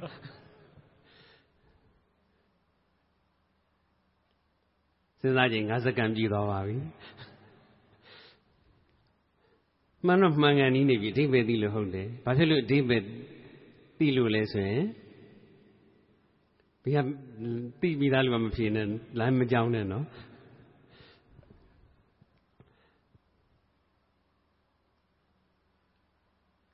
ဦးစင်မဖြေရတော့မလားကောင်းပါတယ်ဗျာအဲ့တော့အဖြေကမှန်ကန်နီးနေပြီအတိတ်ပဲသိလဲဟုတ်တယ်ဘာဖြစ်လို့အတိတ်ပဲသိတာလဲဆိုရင်တော့မြမစာရန်ထိုးပေးထားလို့ပေါ့ မြမစာရန်ထိုးပေးထားလို့အတိတ်ပဲသိတယ်အတိတ်ပဲသိတဲ့အတွက်ကြောင့်ဘာဖြစ်မလဲဘာဖြစ်မလဲကိုကျော်ထင်းအောင်ပြောတဲ့အတိုင်းဆက်ပြီးတော့သိခြင်းနဲ့စိတ်ဝင်စားတယ်မြမစာရန်ထိုးပေးထားတဲ့အတွက်ကြောင့်အတိတ်ပဲသိတဲ့အတွက်ဝန္တာစရာစာသားလေးဖတ်ရတယ်ဆိုရင်လည်းဝန္တာတဲ့ခံစားချက်ဖြစ်တယ်ထပ်တူထပ်မြတ်လိုက်ပြီးတော့ဝမ်းသာတယ်ဝမ်းနေကြစာရန်လေးထိုးထားတယ်ဆိုရင်လည်းဝမ်းနေတဲ့အဓိပ္ပာယ်ကိုသိပြီးတော့ဝမ်းနေတဲ့ခံစားချက်ဖြစ်တယ်ထပ်တူထပ်မြတ်လိုက်ပြီးတော့ဝမ်းနေတယ်တခါတည်းမြတ်ဇတ်ဇတ်ဆောင်ပုဂ္ဂိုလ်ကတော့မှမျက်ရည်မကျသေးဘူးစာရန်ဖတ်တဲ့လူကအလိုလိုနေရင် မျက်ရည်ကျနေပြီထပ်တူထပ်မြတ်လိုက်ခံစားရတာလေဘာဖြစ်လို့လိုက်ခံစားရတာလဲဆိုတော့အဓိပ္ပာယ်သိနေလို့ပေါ့အဓိပ္ပာယ်သိတယ်ဆိုတော့ကလည်းမြမစာရန်ထိုးပေးထားလို့ဒါဆိုရင်မြတ်စွာဘုရားရှင်အပေါ်မှာကြည်ညိုတဲ့စိတ်ကြည်ညိုတဲ့ခံစားချက်တွေအာကောင်းမောင်းတန်နဲ့အရှိန်ဟုန်ပြင်းပြင်းနဲ့ဖြစ်ချင်တယ်ဆိုရင်ဂုံတော်ပွားတဲ့အခါဘယ်လိုပွားမှာတော့အတိတ်ပဲတည်တည်ပွားပါမယ်ဗျာအထိပ္ပယ်သီးသီးပွားမယ်အထိပ္ပယ်သီးသီးဆိုရင်တော့ခုနမြမဆန္ဒထုလို့အထိပ္ပယ်သီးတာဆိုတာလိုပဲ ဂုံတော်လေးကိုမြမဆန္ဒထုပြီးပွားပါလို့ပြောရတော့မှာပေါ့နားလည်လို့အောင်ပြောရရင်မြမလိုအထိပ္ပယ်လေးနဲ့တွေးပြီးတော့ပွားအဲ့ဒါဆိုရင်အထိပ္ပယ်လေးသိတဲ့အတွက်ကြောင့်ကိုသိလိုက်တဲ့အထိပ္ပယ်နဲ့သက်ဆိုင်တဲ့ခံစားချက်တွေမဖြစ်ဘူးလားဖြစ်ပါတယ်ဖြစ်တယ်နော်ဝမ်းသာစရာအတိပ္ပယ်သိရင်ဝမ်းသာတဲ့ခံစားချက်ဖြစ်တယ်ဝမ်းနည်းစရာအတိပ္ပယ်သိရင်ဝမ်းနည်းတဲ့ခံစားချက်ဖြစ်တယ်အရဟံ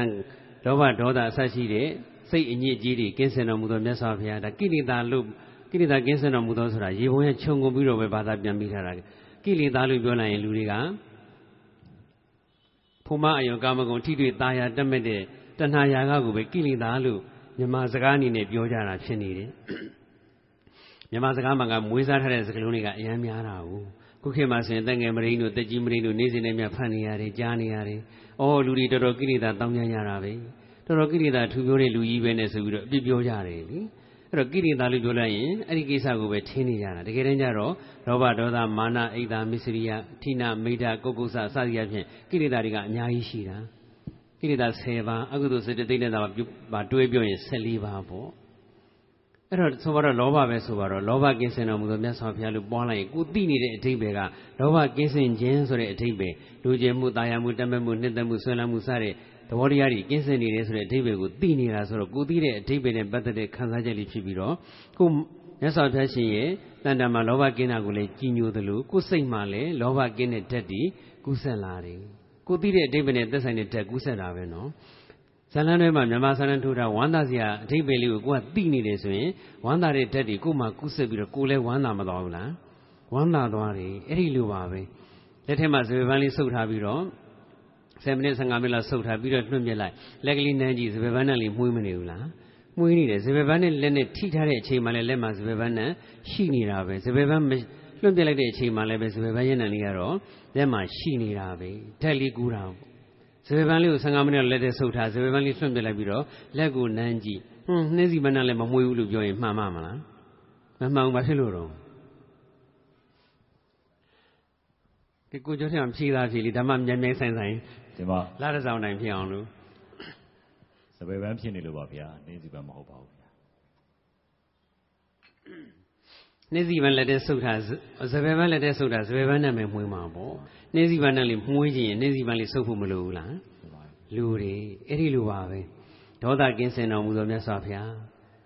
ဒါကိုလည်းချဲ့ပွားရမှာနော်ဒါကုံတော်ပွားနည်းအသေးစိတ်တော့မဟောတော့ဘူးလေ စိတ်တူခြင်းစိတ်ဆိုးခြင်းစိတ်ဒေါသရဲ့အဓိပ္ပာယ်တွေလည်းအများကြီးရှိတာလေအဲ့ဒီအဓိပ္ပာယ်တွေကိုဖော်လိုက်ဖော်လိုက်ပြီးတစ်ခုချင်းပွားရမှာပေါ့ဆိုတော့ဒေါသဆိုရင်စိတ်တူတာစိတ်ဆိုးတာစိတ်ညစ်တာစိတ်ကောက်တာစိတ်ပြက်တာအမျက်ထွက်တာရညှိုးဖွဲ့တာကလေးစားချီတာနာကြီးတာမုန်းတီးတာဝမ်းနေတာပူဆွေးတာငိုကြွေးတာထိတ်လန့်တာကြောက်ရွံ့တာလွမ်းဆွတ်တာတန်တာတာသဘောမကျတာမကြည်နက်တာအဲ့ဒါတွေအကုန်လုံးပါတွေလေ ဒေါသတွေကြီးပဲနော်တရားကိုကောက်ရင်ဒေါသပဲအဲ့ဒါတစ်ခုချင်းချဲ့ပြီးတော့မှစိတ်တူချင်းကင်းစင်တော်မူသောမြတ်စွာဘုရားစိတ်ဆိုးချင်းကင်းတော်မူသောမြတ်စွာဘုရားနဲ့ဒီလိုချဲ့ပွားမှာနော်အဲ့တော့စိတ်တူစိတ်ဆိုးချင်းကင်းတော်မူသောမြတ်စွာဘုရားလို့ထပ်တလေးလေးပွားများနေမယ်ဆိုရင်ကိုယ်မှလည်းစိတ်တူစိတ်ဆိုးတဲ့ဓာတ်တွေကုဆက်မလာဘူးလားအော်မြတ်စွာဘုရားရှင်ကဘလို့အကြောင်းကြောင့်မှစိတ်တူစိတ်ဆိုးတယ်ဆိုတာမရှိတော့ပါလားဆိုတော့လေဘုရားပုံမှာကြည်ညိုတဲ့စိတ်တွေပူပြီးတော့ဖြစ်တယ်ဒါကြောင့်ပြောချင်တာကတော့ဘုရားကုံတော်တွေပွားပြောချင်တာကတော့ဆိုတော့ခုနနှင်းစီပန်းကြောင့်ပြောတော့ လောဘကင်းစင်ခြင်းဆိုတာကဇေဘဗန်လေးနဲ့တူတယ်ဆိုရင်လောဘကင်းစင်တော်မူသောမြတ်စွာဘုရားလို့ထပ်တလဲလဲပွားများနေတာဟာလောဘကင်းစင်ခြင်းဆိုတဲ့ဇေဘဗန်လေးနဲ့ကိုယ့်ရဲ့စိတ်တည်သောလက်ကလေးနဲ့ထိထားတာနဲ့တူတယ်။ဒါဆိုရင်ကိုယ့်ရဲ့စိတ်မှာတော့လောဘကင်းစင်ခြင်းဆိုတဲ့ဇေဘဗန်ရင်းနဲ့လေမှုနေမယ်။ဖြတ်ကနေတခဏပဲထိရင်တော့ခဏပဲမှုမှာပေါ့။အကြာကြီးထိထားတယ်။အကြာကြီးပွားများတယ်ဆိုရင်တော့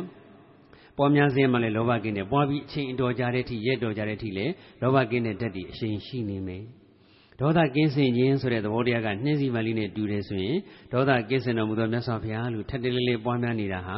ဒေါသကင်းစင်ခြင်းဆိုတဲ့နှင်းစီမလေးနဲ့ကိုယ့်ရဲ့လက်နဲ့စိတ်တည်းသောလက်နဲ့ထပ်တလေးလေးထိတွေ့ထားတာနဲ့တူတယ်ကိုယ့်ရဲ့စိတ်တည်းသောလက်မှာဒေါသကင်းစင်ခြင်းဆိုတဲ့နှင်းစီမရဏလေးကုဆက်လာပါတယ်မာနကင်းစင်ခြင်းကကံကောဘနဲ့တူတယ်ဆိုရင်တော့ကိုယ်စိတ်တည်းသောလက်မှာမာနကင်းစင်ခြင်းဆိုတဲ့ကံကောဘရဲ့နဲ့ကူးမှာပေါ့ အဲ့တော့ကိုသိတဲ့အဓိပ္ပာယ်နဲ့ပတ်သက်တဲ့ခံစားချက်ပဲဖြစ်တာနော်နောက်တစ်နေ့ဘာဖြစ်မလဲနောက်တစ်နေ့ဘာဖြစ်မလဲသိချင်တယ်လို့ပြောတယ်ဒီနေ့သိပြီးမပြီးသေးဘူးလေနောက်တစ်နေ့နောက်တစ်ခုထပ်သိချင်သေးတာ哦နောက်ခံစားချက်တစ်ခုဖြစ်ချင်သေးတယ်နောက်အရာသာတစ်ခုခံစားချင်သေးတယ်ဒါကြောင့်ထပ်သိချင်တာအဲ့လိုပဲဘုရားကုံတော်ပွားတဲ့ခါမှာလေကိုသိတာလေးတစ်ခုနဲ့တည်းရက်တက်မနေပဲနဲ့ထပ်သိထပ်သိထပ်သိထပ်အဓိပ္ပာယ်တွေပါချဲ့ထွင်ပြီးတော့ပွားများဖို့မလိုဘူးလားဒါလမ်းစာလေးပဲဖော်ပေးလိုက်တာနော်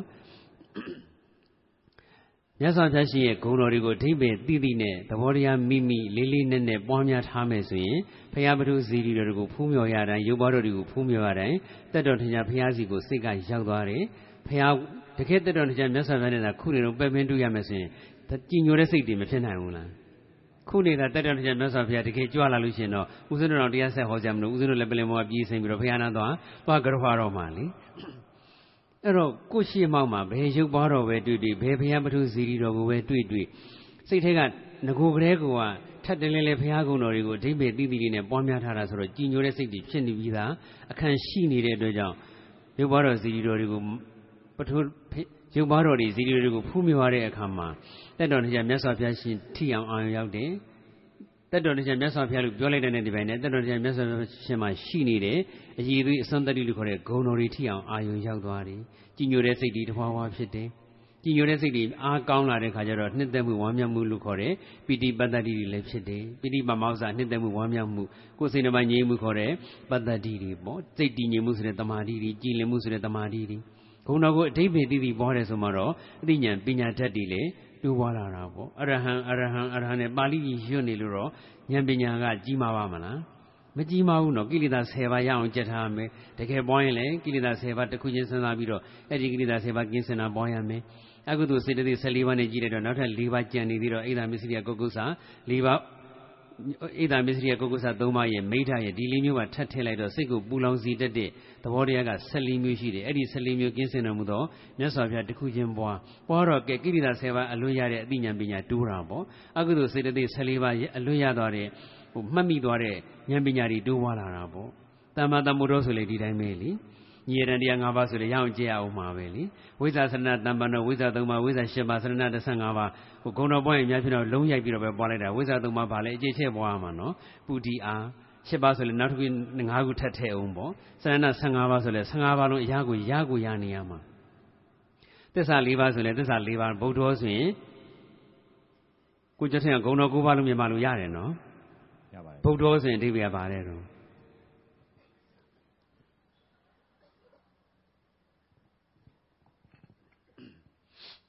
အခုပဲပြောတဲ့ထဲမှာမှာပြီးသွားပြီလေ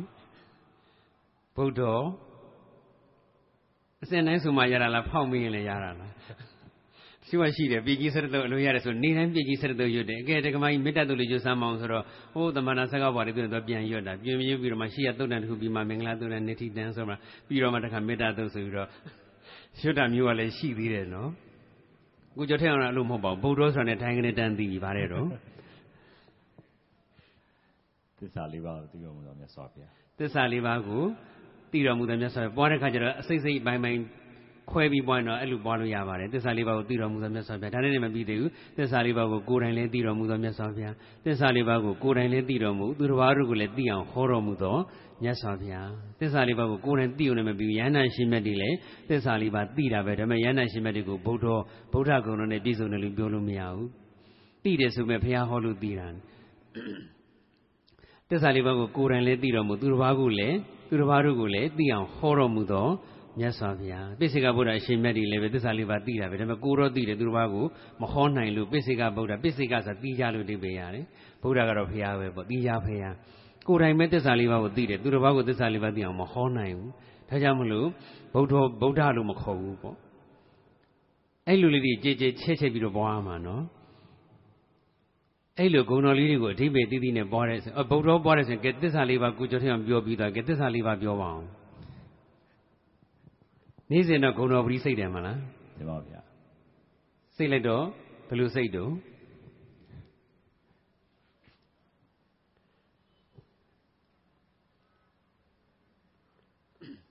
ပြုံးနေရင်တတိထားကြားဘူးတာပဲလေပြုံးနေရင်တတိထားဆိုတော့ကိုကျော်ထက်ပြုံးတော့ပြုံးနေတယ်ဆိုတော့ တင်ပါဗျာ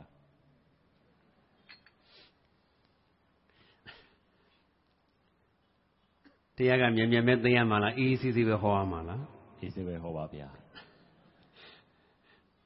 လေခိုးတော့ကအဆောင်ထဲမှာချွေးတလုံးနဲ့တောင်မှအေးဆေးဟောခဲ့သေးတာပဲနော်အခုအပြင်မှာဆိုတော့လေးလေးလေးလေးနဲ့လီပီလီညင်းလေးနဲ့ဆိုတော့ပူပြီးအေးဆေးရမယ်သဘောရှိတာပေါ့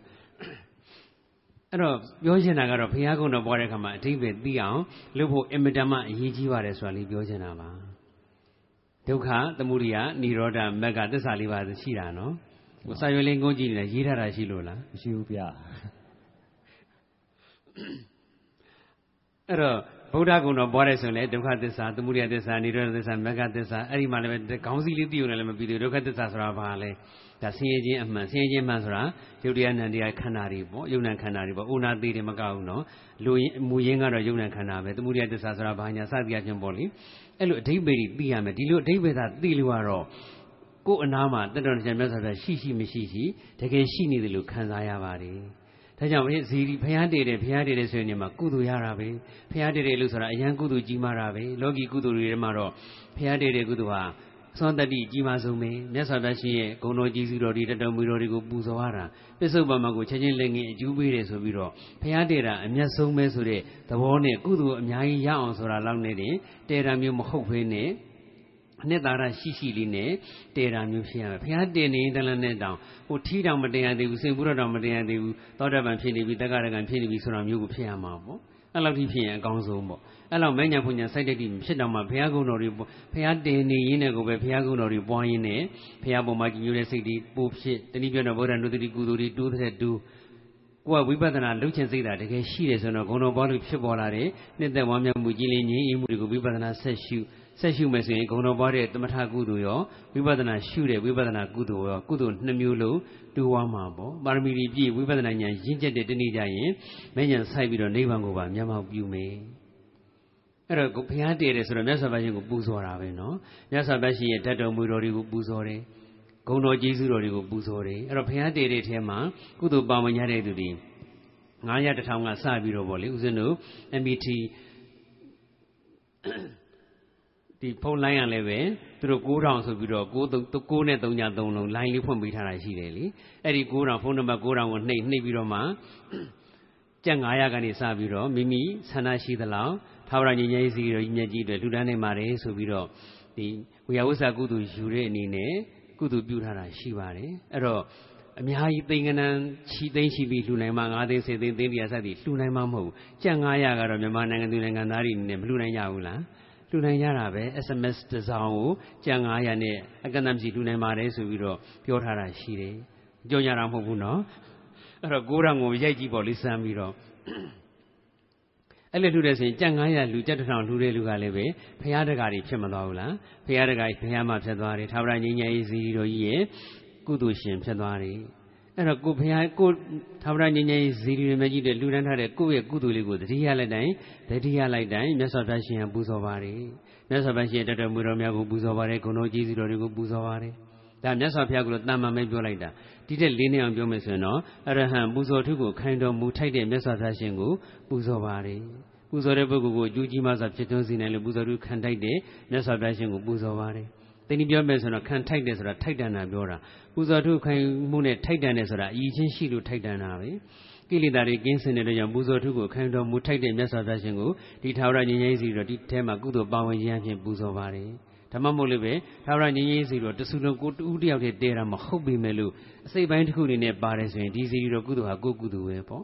အဲ့တော့အရဟံအချင်းချင်းလည်းပဲပူဇော်ထုခံနိုင်ခြင်းရဲ့အကြောင်းပြချက်အည်သွေးဖြစ်သွားတာပဲ တမ္မာတမို့တော့သိစရာအလုံးကိုအမှန်တိုင်းကိုယ်ပိုင်ဉာဏ်နဲ့သိတော်မူတဲ့အတွက်ကြောင့်ပူဇော်ထုကိုခံတော်မူထိုက်တဲ့မြတ်စွာဘုရားရှင်အားပူဇော်ပါတယ်ထာဝရငြိမ်းစီတွေမြတ်ကြီးတိထကုကိုယ်ရဲ့ကုသိုလ်နဲ့ပူဇော်ပါတယ်ပေါ့ဝိဇာဆရဏတံပန်တော်အတိညာရောအကျင့်ရောပြည့်စုံတော်မူတဲ့အတွက်ကြောင့်ပူဇော်အထုကိုခံတော်မူထိုက်တဲ့မြတ်စွာဘုရားရှင်အားပူဇော်ပါတယ်သူကတော့ကောင်းသောစကားမှန်ကန်၍ကျိုးရှိသောစကားကိုဆိုတော်မူတဲ့အတွက်ကြောင့်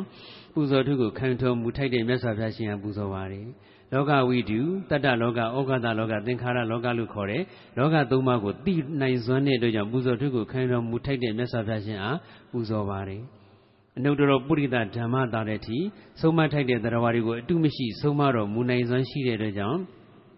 ပူဇော်ထုကိုခံတော်မူထိုက်တဲ့မြတ်စွာဘုရားရှင်အားပူဇော်ပါတယ် တတ္ထာဒီဝမနုဿာနံနတ်လူပြမတတ္တဝါတွေကိုကောင်းရန်ကောင်းကြောင်းညွှန်ပြနိုင်လို့ကောင်းတဲ့ကောင်းတဲ့လမ်းစဉ်တွေကိုညွှန်ပြပြသနိုင်လို့ပူဇော်ထုကိုခိုင်းတော်မူထိုက်တဲ့မြတ်စွာဘုရားရှင်ဟာပူဇော်ပါတယ်ဗုဒ္ဓသစ္စာလေးပါးကိုကိုယ်တိုင်လည်းသိသူတစ်ပါးတို့ကိုလည်းသိအောင်ဟောတော်မူနိုင်စွမ်းရှိလို့ပူဇော်ထုကိုခိုင်းတော်မူထိုက်တဲ့မြတ်စွာဘုရားရှင်ကိုပူဇော်ပါတယ်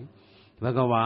ကိုယ်စိတ်ကိုအစိုးရခြင်းလွှမ်းမိုးနိုင်ခြင်းနိုင်ခြင်းဆိုတဲ့ဣတရိယဘုံတော်ကနေစပြီးတော့ဣတရိယဓမ္မယတတိကာမပယတ္တဘုံတော်6ပါးနဲ့ပြည့်စုံတော်မူတဲ့အတွက်ကြောင့် ပူဇော်အထူးကိုခိုင်းတော်မူထိုက်တဲ့မြတ်စွာဘုရားရှင်အားသာဝရငြိမ်းချမ်းရေးစီရီမကြီးနဲ့ပူဇော်ပါတယ်သာဝရငြိမ်းချမ်းရေးစီရီဝိယဝိဇ္ဇဆောင်ရွက်ခြင်းအဖြစ်ပူဇော်ပါတယ်နိဗ္ဗာန်ဆော်လုပ်တဲ့နေ့နဲ့သာဝရငြိမ်းချမ်းရေးစီရီမှာကုသိုလ်ပါဝင်နိုင်အောင်လမ်းညွှန်ခြင်းအတိပေးခြင်းအဖြစ်ပူဇော်ပါတယ်စသည်အဖြစ်ပေါ့ဇေဒီတော်ကြီးနဲ့ပတ်သက်တဲ့ကုသိုလ်တစ်ခုခုကိုပြုထားတဲ့ကုသိုလ်လေးနဲ့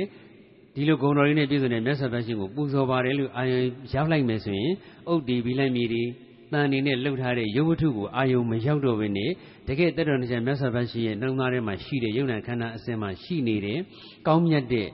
အမျက်ဆုံးဖြစ်တဲ့အည်အသွေးတွေအစွမ်းတတိတွေမှာပဲအာယုံရောက်သွားတယ်အာယုံရောက်သွားပြီးတော့ကိုယ့်ရဲ့ကုသိုလ်ကလည်းအည်အသွေးမြင်မာခြင်းတိုင်းမြင်မာနေတော့တာပဲဒီတိုင်းပဲရိုးရိုးထုတ်လိုက်လေကုသိုလ်ကတော့ရတာပဲနော်ဒါပေမဲ့ဂုံတော်လေးတွေနဲ့ပါထုံမှန်းပြီးတော့ဒီလိုဂုံတော်နဲ့ပြည့်စုံလို့ကိုပြည့်စုံလို့လူ ပြည့်စုံတဲ့ဘုရားရှင်ကိုပူဇော်ပါတယ်ဒီလိုဂုဏ်တော်နဲ့ပြည့်စုံတဲ့ဘုရားရှင်ကိုပူဇော်ပါတယ်နဲ့ဆိုတော့ဂုဏ်တော်ပွားတဲ့ကုသိုလ်ကလည်းရသွားတယ်တနည်းပြောမယ်ဆိုတော့ပူဇော်ခြင်းဆိုတာမျိုးစီပဲအပူဇော်ကံပုဂ္ဂိုလ်ဆိုတာလေယာမည်ပဲဒီလိုဂုဏ်တော်တွေကိုကြည်ကြဲပြည့်ပြည့်လေးလေးနက်နက်လေးပွားများတဲ့အခါကျတော့ကိုယ်စိုက်ပြိုးမဲ့လေယာမည်ကိုမြေဩဇာကောင်းအောင်ပြုပြင်တယ်လို့ဖြစ်နေတာပေါ့ထရင်ညံ့အောင်ပြုပြင်တယ်လို့ဖြစ်နေတာပေါ့ဂုဏ်တော်ကိုကြည်ကြည်ငြိမ့်ငြိမ့်ပွားများနိုင်လေကိုယ်စိုက်မဲ့ပူဇော်ခြင်းဆိုတဲ့မျိုးစီလေးစိုက်ပြိုးမဲ့ ဖရာတီးဟုသောမြတ်စွာဘုရားရှင်ရဲ့ယုံ nant ခန္ဓာတီးဟုသောအလူကံပုဂ္ဂိုလ်အပူဇော်ကံပုဂ္ဂိုလ်ဆိုတဲ့လေယာမြေကိုအည်သွေးကောင်းတဲ့ကောင်းအောင်ပြုပြင်တယ်လို့ဖြစ်နေတယ်ဖရာကတော့အည်သွေးပြည့်စုံပြီးသားပဲပေါ့နော်ဒါပေမဲ့ကိုယ့်ကုသိုလ်နဲ့သက်ဆိုင်တဲ့ဖရာကိုဆိုလိုတာဖရာကတော့တကယ်ပဂတိအရှိမြတ်စွာဘုရားရှင်ကတော့ကောင်းမြတ်တဲ့အည်သွေးလဲနဲ့ဥပမာပြမယ်ဆိုလေအဆိုးကိုဖြစ်စေနိုင်တဲ့ကိလေသာအမိုက်တွေကိလေသာပိုးမွားတွေကိလေသာကြောက်စရိခဲတွေကင်းစင်ပြီးသားပဲကောင်းကျိုးကိုဖြစ်စေနိုင်တဲ့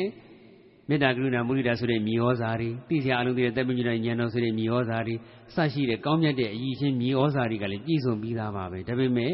လူတယောက်ချင်းတယောက်ချင်းရဲ့စိတ်ကူးအာယုံမှာရှိနေတဲ့ဘုရားရှင်ကတော့မတူကြတော့ဘူးကဘာပေါ်မှာတကူကြီးဆုံးဘုရားကဘယ်ဘုရားလဲဆိုရင်ကိုကျော်ထက်အောင်ဘယ်လိုပြောမလဲပြောလို့မရပါဘူးဗျာကဘာပေါ်မှာတကူအကြီးဆုံးဘုရားဘယ်မှာရှိတော့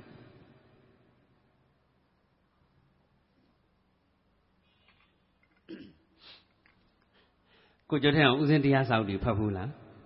ဖတ်ဘူးပါရဲ့ဗျာဖတ်ဘူးလေဆိုတော့စာအုပ်တုပ်ထဲမှာခေါင်းစဉ်လေးနေနဲ့ပါတယ်လေကဘာပေါ်၌တကူအကြီးဆုံးဖရာဒေါက်တာဒေါ့မှာရှိသည်ကွက်လက်ဖြည့်ပါဆိုရင်ဘယ်လိုဖြည့်မလဲမီလီတစ်ချက်မှိတ်ပေးရမှာလားကိုကျော်ထင်အောင်ဖြေနေအောင်လို့မီလီတစ်ချက်မှိတ်ပေးပါလို့ပြောရမယ့်သဘောဖြစ်နေပြီကဘာပေါ်၌တကူအကြီးဆုံးဖရာဒေါတ်ဒေါတ်ဒေါတ် မှာရှိသည်ခေါင်းစဉ်လေးတစ်ခုရှိတယ်ကွက်လက်ကလေးဖြည့်ပေးပါ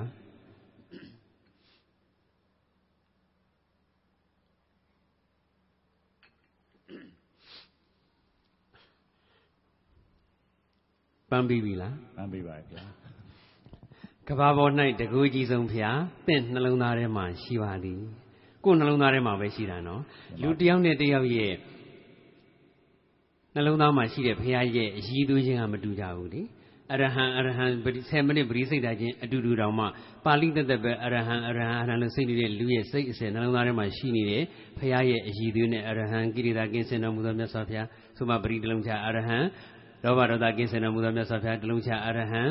စိတ်အငြိကြီးမှန်တယ်မှာကင်းစင်တော်မူသောမြတ်စွာဘုရားစသည်အဖြစ်ပေါ့နော်မြမလိုပရိရဲ့မျိုးမျိုးနဲ့ပွားလို့ရပါတယ်အရဟံပူဇော်ထုကိုခိုင်းတော်မူထိုက်သောမြတ်စွာဘုရားဆိုမှပရိတလုံးချ 10မိနစ်ပရိစိတ်တာချင်းအတူတူအဓိပ္ပာယ်နဲ့စိတ်လိုက်ရင်တော့လေပရိရဲ့တပတ်နှစ်ပတ်ပဲပြီးမှာပေါ့ပါဠိရွတ်တော့10ပတ်ပြီးတယ်ဆိုကြပါစို့မြန်မာလူအဓိပ္ပာယ်နဲ့တွဲစိတ်ရင်ကိလေသာကင်းစင်တော်မူသောမြတ်စွာဘုရားပဲထားလိုက်တော့အရဟံဆိုတာကစကလုံးက3လုံးပဲရှိတယ်နောက်ထပ်အဓိပ္ပာယ်ပဲကြတော့စကလုံးက12လုံးရှိတယ်ဆိုတော့၄စားတူးသွားတာပေါ့ဒီစကလုံးကြီးပဲထပ်တလဲလေးကျုပ်ပြီးတော့ဗီဒီယိုကြီးချမယ်ဆိုရင်တောင်မှ10မိနစ်မှာတယောက်ကပါဠိတက်တက်ရင်10ပတ်ပြီးရင်ဣရိတာကင်းစင်တော်မူသောမြတ်စွာဘုရားကတွေးရွတ်တဲ့သူက2ပတ်ပဲပြီးမှာပဲ အဲ့တော့10မိနစ်အတွင်းမှာပါဠိတက်တက်ပဲရွတ်ပြီးတော့ပရိ10ပတ်ပြီးတဲ့သူထက်ပါဠိရောမြန်မာရောတွေးရွတ်လို့10မိနစ်အတွင်းမှာပရိ2ပတ်ပဲပြီးတဲ့သူကပို့ပြီးတော့လေကုသိုလ်ရတယ်ပို့ပြီးတော့လေအကျိုးပေးထက်တန်နေအထိပ္ပယ်သိဖို့ရည်မကြည့်ဘူးလားရှိပါဗျာ အရေးကြီးတယ်အဲ့တော့ကဘာမှာတကူကြီးဆုံးဘုရားကဘယ်မှာလဲဆိုတော့တကယ်တော့ကိုယ်နှလုံးသားထဲမှာပဲကိုယ်နှလုံးသားထဲမှာဘုရားကုဘုရားကိုဘလို့ကြည်ညိုနေတယ်လဲဘုရားကိုဘလို့ပုံဖော်ထုစစ်နေတယ်လဲပုံဖော်ထုစစ်တယ်ဆိုတာဂုံတော်တွေပွားတာကိုပြောတာပဲကိုယ်ဘုရားရဲ့အည်သွေးဟာကိုယ်ပွားများတဲ့ဂုံတော်ပေါ်မှာပဲမူတည်တယ်ရွှေတကုံပဲသွားသွားကြိတ်ထီကိုပဲသွားသွားလမ်းဘေးကလက်ွက်ထက်ကကိုးတော်ပြည်စီတော်ကိုပဲသွားသွားကိုယ်စိတ်ထဲကဘုရားရှင်ရဲ့ဂုဏ်တော်တွေဘုရားရှင်ရဲ့အည်သွေးဘုရားရှင်ရဲ့အစွမ်းတတိကိုဘလို့ပွားများနေတယ်လဲပေါ်မှာပဲ မူတည်တယ်နောက်ဆုံးကိုယ်နာမှာဘယ်စီတီတို့မှလည်းမရှိဘယ်ရုပ်ဘောတော်မှလည်းမရှိဘာဆိုဘာမှမရှိကိုယ်တယောက်တည်းပဲရှိလူတွေပဲရှိပေါ့လေဒါပေမဲ့ကိုယ်စိတ်ထဲကသွားရင်လာရင်လည်းပဲဖြစ်ဖြစ်ပြီးကြထိုင်ရင်လည်းပဲဖြစ်ဖြစ်မြတ်စွာဘုရားရှင်ရဲ့ဂုဏ်တော်တွေကိုပွားများနေတယ်ဆိုရင်ကိုယ်နှလုံးသားထဲမှာရှိတဲ့ဘုရားကတကူအကြီးဆုံးဖြစ်မသွားဘူးလားဘုရားတဆူနဲ့တဆူရွှေတကုံကိုမကြာခဏတက်ပြီးတော့ပယိပဋ္ဌာန်းကြီးရွကြတယ်ဂုဏ်တော်တွေပွားကြတယ်ပရိတိသွားစိတ်ကြတယ်ရွှေတကုံဘုရားကိုတက်ကြတဲ့သူတိုင်းတယောက်မကြံအကျိုးပချင်းတူရဲ့လား မတူဘူးနော်အတိတ်ကမတူတာကလည်းတပိုင်းတကန္တပစ္စုပန်မှာလည်းပဲဂုံတော်ပွားတဲ့အရွှေတကုံကိုအာယုပြုပြီးတော့ဂုံတော်ပွားတဲ့အခါမှာဘလို့ပွားနေတာလဲဘလို့အဓိပ္ပာယ်တွေကိုသိနေတာလဲဒီပေါ်မှာမူတည်ပါတယ်မြန်မာစာတန်းထိုးထားတဲ့ဆိုတော့မှမြန်မာစာသိချမဖတ်တတ်လို့ရှိရင်အဓိပ္ပာယ်သိချသိပါမလားစာဖတ်နှီးနေတယ်ဆိုလို့ရှိရင်လည်းဟိုကစာတန်းထိုးပြီးလို့နောက်တစ်ထန်းပြောင်းသွားပြီရှေ့တစ်ထန်းအဓိပ္ပာယ်တောင်မသိလိုက်ဘူးဆိုတော့ခံစားလို့မရတော့ဘူးပေါ့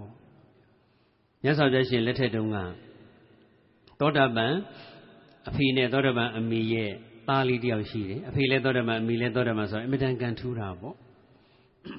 အဖေနဲ့မိကသောတပန်ဆိုတော့ဘုရားပေါ်မှာအသက်တမျှကြီးညိုတယ်လေအဲ့ဒါဘောဓိညောင်မင်းရဲ့အခောက်အပွေးတွေကိုအမှုန့်ပြုတ်ပြီးတော့တယိုးကန်ပြီးတော့လှုပ်ထားတဲ့ဇီဒီတော်လေးတဆူတီထားကိုယ်ွယ်ပြီးတော့ပူဇော်တယ်အိမ်မှာပူဇော်ထားတာပေါ့ဘောဓိညောင်မင်းရဲ့အခောက်တွေအပွေးတွေအရွက်တွေအကုန်လုံးဖောက်ထောင်းထုချီပြီးတော့မှတယိုးလေးကိုင်းပြီးတော့ဇီဒီလေးတည်ထားတယ် စီရီလေးပေါ်မှာရွှေသင်္ကန်းတွေမှာဆက်ကထားတော့ရွှေစီရီလေးဖြစ်နေတာပေါ့အဲ့ဒီရွှေစီရီလေးကိုမှန်ကြောင်းဆောင်လေးတွေမှာထည့်ထားနေစဉ်နဲ့အမြဒါတော်တော်တရားမြတ်စွာဘုရားရှိနေတဲ့အချိန်တော့ရှိနေတဲ့အချိန်မှာတော့ဇီရွှေစီရီလေးလုပ်ပြီးတော့ပူဇော်တယ်ညစဉ်မနက်တစ်ချိန်ညတစ်ချိန်ပေါ့လေအနည်းဆုံးအဲ့ဘုရားမြတ်စွာဘုရားဇီရီတော်လေးကိုဖူးမြော်ပြီးတော့မြတ်စွာဘုရားရှင်ရဲ့ဂုဏ်တော်တွေပွားများတယ်အထိပ္ပယ်တိတိနဲ့ပေါ့အထိပ္ပယ်လေးသိပြီးတော့ပွားများတယ်အဲ့တော့တနေ့နဲ့မိဘနှစ်ပါးက ဟိုဥပုံနေဆိုရင်လာပြီလာကွယ်ဥပုပ်ပဲဖြစ်ဖြစ်လာဆန်းရှိရလာစုရှိရဥပုံနေပဲဖြစ်ဖြစ်ဥပုံနေတိုင်းဥပုံနေတိုင်းဆိုရင်တော့ကျောင်းဆောင်တွေကနေထုတ်ပြီးတော့ဇပွဲတစ်ခုပေါ်မှာအခင်းလေးတေချာတက်တက်ရခင်းပြီးတော့အဲ့ဒီဇပွဲပေါ်မှာဒီရွှေစီဒီတော်လေးကိုတင်ထားပြီးတော့ညလုံးပေါက်ဖျားကုံတော်ပွားများနေကျန်တဲ့နေ့တွေမှာတော့သူ့ချိန်နေတဲ့သူဘော10မိနစ်15မိနစ်နိုင်ွယ်စသည်ပေါ့ဒါပေမဲ့ဥပုံနေဆိုရင်တော့ညလုံးပေါက်မအိတ်တော်ပဲနဲ့ဘုရားရွှေစီတော်ကိုဖူးမြော်ပြီးတော့ မြတ်စွာဘုရားရှင်ဂုဏ်တော်တွေကိုအမျိုးမျိုးလှည့်ပတ်ပြီးတော့ပွားများတယ်သူ့သားလေးကလည်းပဲတနေ့နည်းနည်းကလေးလေးကလည်းမိကောင်းဖကောင်းနဲ့ပေါင်းသိမ်းရတာဆိုတော့ကလေးလေးကလေးကဘာမှညာမှမသိခင်ကလေးကဥတော်ဥတော်နဲ့ရွှေစီရီလေးကိုလက်ဥလေးချီတယ်ဖူးမျောတယ်နည်းနည်းလေးသိတယ်လို့ဘုရားဆိုတာဘလို့ရည်သူနဲ့ရှိတယ်မိဘကပြောပြပေးတယ်တနေ့နှစ်နှစ်သုံးနှစ်လေးနှစ်ငါးနှစ်ခြောက်နှစ်ဟိုကလေးဝါကလေးကရွှေစီတွေကိုနေစဉ်ဖူးမျောဥပုနေဆိုရင်ညာလုံးမဖူးမျောကလေးဆိုတော့လည်းအိပ်ပြောတဲ့ခါလည်းပြောပေါ့နိုးတဲ့ခါထပ်ဖူးပေါ့ အဲ့ဒါအမြဲတမ်းဖူးမျောပြီးတော့ဂုံတော်လေးမိဘကပြောပြတဲ့တိုင်လိုက်ပြီးတော့အာယုံပြုတယ်ပွားများတယ်ခုနှစ်နှစ်သားအရွယ်ရောက်တဲ့ခါတည့်ရကြတော့ဥပုံနေတနေ့မှာရွှေစီဒီတော်လေးကိုဇပွဲပေါ်မှာတိချာတင်ပြီးတော့အပြင်မှာထုတ်ထားပြီးတော့ဇပွဲပေါ်တိချာတင်ပြီးတော့ညာလုံးမှာဂုံတော်ပွားများနေတယ်ခုနှစ်နှစ်သားဆိုတော့ဘာပဲပြောပြောအသိဉာဏ်ကတော်တော်လေးရင့်ကျက်လာပြီလေကလေးတို့ငါတဲ့ဆိုင်ဒါတော့မှကလေးပဲရှိပါသေးတယ်အဲ့ဒါခုနှစ်နှစ်သားကလေးလေး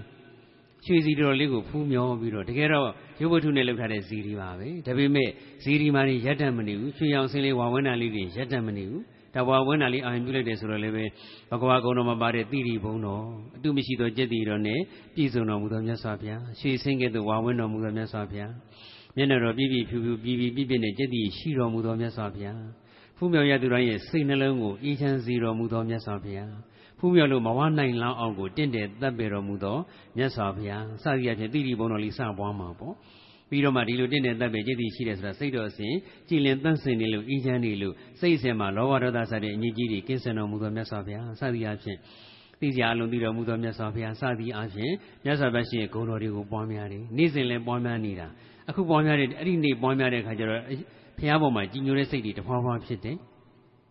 နဲ့တဲ့ဝမ်းမြောက်မှုတွေကြည်လင်အေးချမ်းမှုတွေလည်းတဖွာဖွာဖြစ်ပေါ်လာတယ်ငကိုကလေးကလည်းမိဘကသင်ပေးထားတာဆိုတော့အဲ့လိုနှစ်သက်လာလို့ရှိရင်နှစ်သက်တယ်နှစ်သက်တယ်ဝမ်းမြောက်တယ်ဝမ်းမြောက်တယ်ကြည်လင်နေကြည်လင်နေအေးချမ်းနေအေးချမ်းနေတတိပဒံလေးနိုင်ဝိပဿနာလေးလည်းပြောင်းရှုလို့ရတယ်နော်လို့သားလေးကိုသင်ပေးထားတာလေဟိုဒီမှာမုံဆွဲဇက်ကတဲ့ပါတယ်ဇဲဝိယံထူးတို့ဇဲဝိယံထက်တို့အမွှာကြီးကိုနှစ်ယောက်ရဲ့မိဘတွေကလည်းပဲဒါဖះအဆုံးမတွေကိုနေ့စဉ်တိုင်းမှာဒီသားလေးနှစ်ယောက်ကိုသင်ပေးထားတာသူတို့ကဒီသားနှစ်ယောက်ကိုဘုန်းကြီးတောင်ဖြစ်စီခြင်းကြတာ တသက်လုံးရာသက်မှာဘုန်းကြီးဝတ်တဲ့သူတွေတောင်ဖြစ်စီခြင်းရတာသားလေးနှစ်ယောက်ကလည်းပဲဘာသာရေးဘုဒ္ဓရာတွေတော်တော်ပြည့်စုံကြပါတယ်အဲ့တော့ဒီမှာသားတို့ကတော့ဇလန်းရိုက်တာ၈နှစ်ထင်တယ်နော်ခုနှစ်နှစ်ပဲလား။အော်တိုက်ဆိုင်လိုက်တာပေါ့နော်။အခုဒီမှာအဝတိမျိုးကဒီသားလေးကလည်းပဲခုနှစ်နှစ်သားလေး။အဲ့ဒါခုနှစ်နှစ်သားလေးဘုရားကုံတော်ပွားလိုက်ပီတိဖြစ်လာတာဒီသတိပဋ္ဌာန်ဝိပဿနာရှုလိုက်။ကုံတော်ပွားလိုက်ဝိပဿနာရှုလိုက်ကုံတော်ပွားလိုက်ဝိပဿနာရှုလိုက်နဲ့အရှိန်နေမြင့်ပြီးတော့ဉာဏ်လေးကရင့်ကျက်လာတယ်။ ရွှေစီတော်လေးကိုဖူးမြော်လိုက်ဒါရုပ်ဝတ္ထုပဲနော်ရွှေစီတော်ကိုဖူးမြော်လိုက်ဂုံတော်လေးပွားလိုက်ဝိပဿနာလေးရှုလိုက်နဲ့သောတာပန်ဖြစ်သွားတယ်ဆက်ပြီးတော့ရွှေစီရီတော်ကိုဖူးမြော်တယ်ဂုံတော်ပွားတယ်ဝိပဿနာရှုတယ်တက္ကရကံဖြစ်သွားတယ်ဆက်ပြီးတော့ဂုံရွှေစီရီတော်ကိုဖူးမြော်တယ်ဂုံတော်ပွားတယ်ဝိပဿနာရှုတယ်အနာဂံဖြစ်သွားတယ်ဆက်ပြီးတော့ဂုံတော်ပွားတယ်ဝိပဿနာရှုတယ်ယဟန္တာဖြစ်သွားတယ်ခုနှစ်နှစ်သားလေးနဲ့လူဝိကြံဘဝနဲ့ကိုယဟန္တာဖြစ်သွားတာနော် အဲ့ဒါခုနှစ်နှစ်သားလေးနဲ့လူဝိကြံဘဝနဲ့ယဟန္တာဖြစ်သွားတာဘာကုသိုလ်ကအဓိကလဲစလိုက်တာလဲဆိုရင်ဖရာကုံတော်ပွားတဲ့ကုသိုလ်ပဲဘုရားကုံတော်ပွားတာကလည်းဘုရားစတယ်လဲဆိုရင်တော့ရွှေစီရီတော်ကိုဖူးမြော်တဲ့ကုသိုလ်ပဲဇီရီတော်ကိုဖူးမြော်တဲ့ကုသိုလ်ပေါ့လေရွှေဇီရီလို့ပြောတော့တယ်ကြာမျက်နှာလိုက်တယ်ဖြစ်နေဝင်နော်ရွှေရှိတဲ့ဘုရားကျမ်းမှာကိုယ်ကိုယ်ရင်ရတယ်ဆိုတာလည်းရှိသေးတာဟုတ်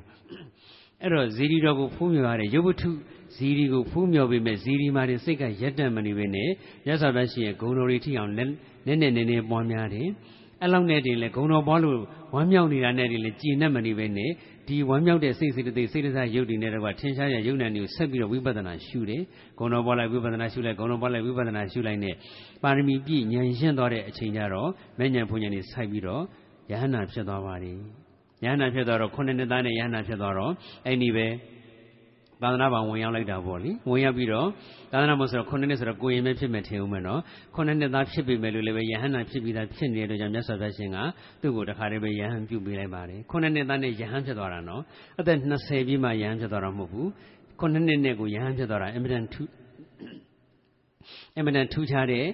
ယဟန္တာအရှင်မြတ်ကလေးပေါ့ခုနှစ်နှစ်သားနဲ့ယဟန္တာအရှင်မြတ်ယဟန်တော်လေးလည်းဖြစ်သွားတယ်ဘာကိုဖူးမြော်တာကစသွားတာလဲဆိုရင် ဇီရီတော်ကိုဖူးမြော်တာကစတာနော်ဒါကြောင့်ဖះတေတာတို့ဖះဖူးတာတို့ကိုပေါ့ပေါ့တန်တန်အထင်မသေးလိုက်ပါနဲ့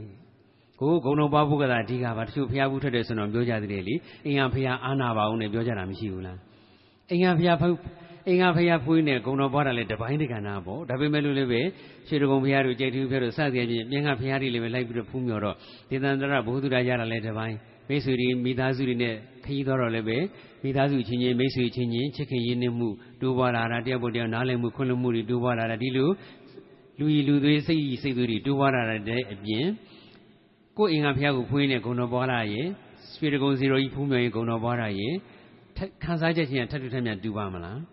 ထပ်တူထပ်မြတ်ရတော့မတူနိုင်ဘူးနော်ဂုံတော်တော့ဂုံတော်ပါပဲဒါပေမဲ့လို့အာယုံပေါ်မှာမူတည်ပြီးတော့ဂုံတော်ပွားရင်းနဲ့ဖြစ်ပေါ်လာတဲ့စိတ်ရဲ့အည်သွေးတွေကလည်းကွာခြားသွားနိုင်တယ်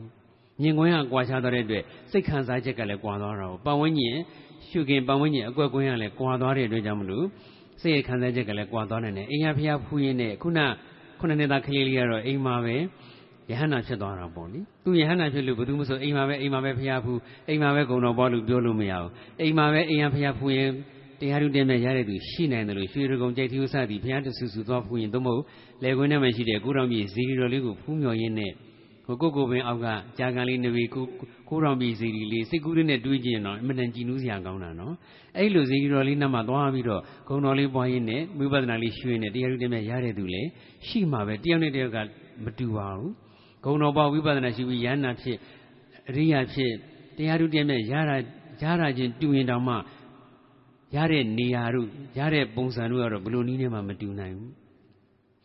အာယုံပေါ်မှာမူတည်ပြီးတော့စိတ်ကပြောင်းလဲပါတယ် အဲ့တော့အပြင်မှာရှိတဲ့ရုပ်ဘာတော်တို့ဇီတိတော်ပထုတော်တို့ဆိုတာတကယ်တော့အာယုံခံဖရာပဲအာယုံခံရမယ်ဖရာဒါကြောင့်ဖရာဒီမှာအာယုံခံတစောင်းဆိုတာမရှိဘူးလား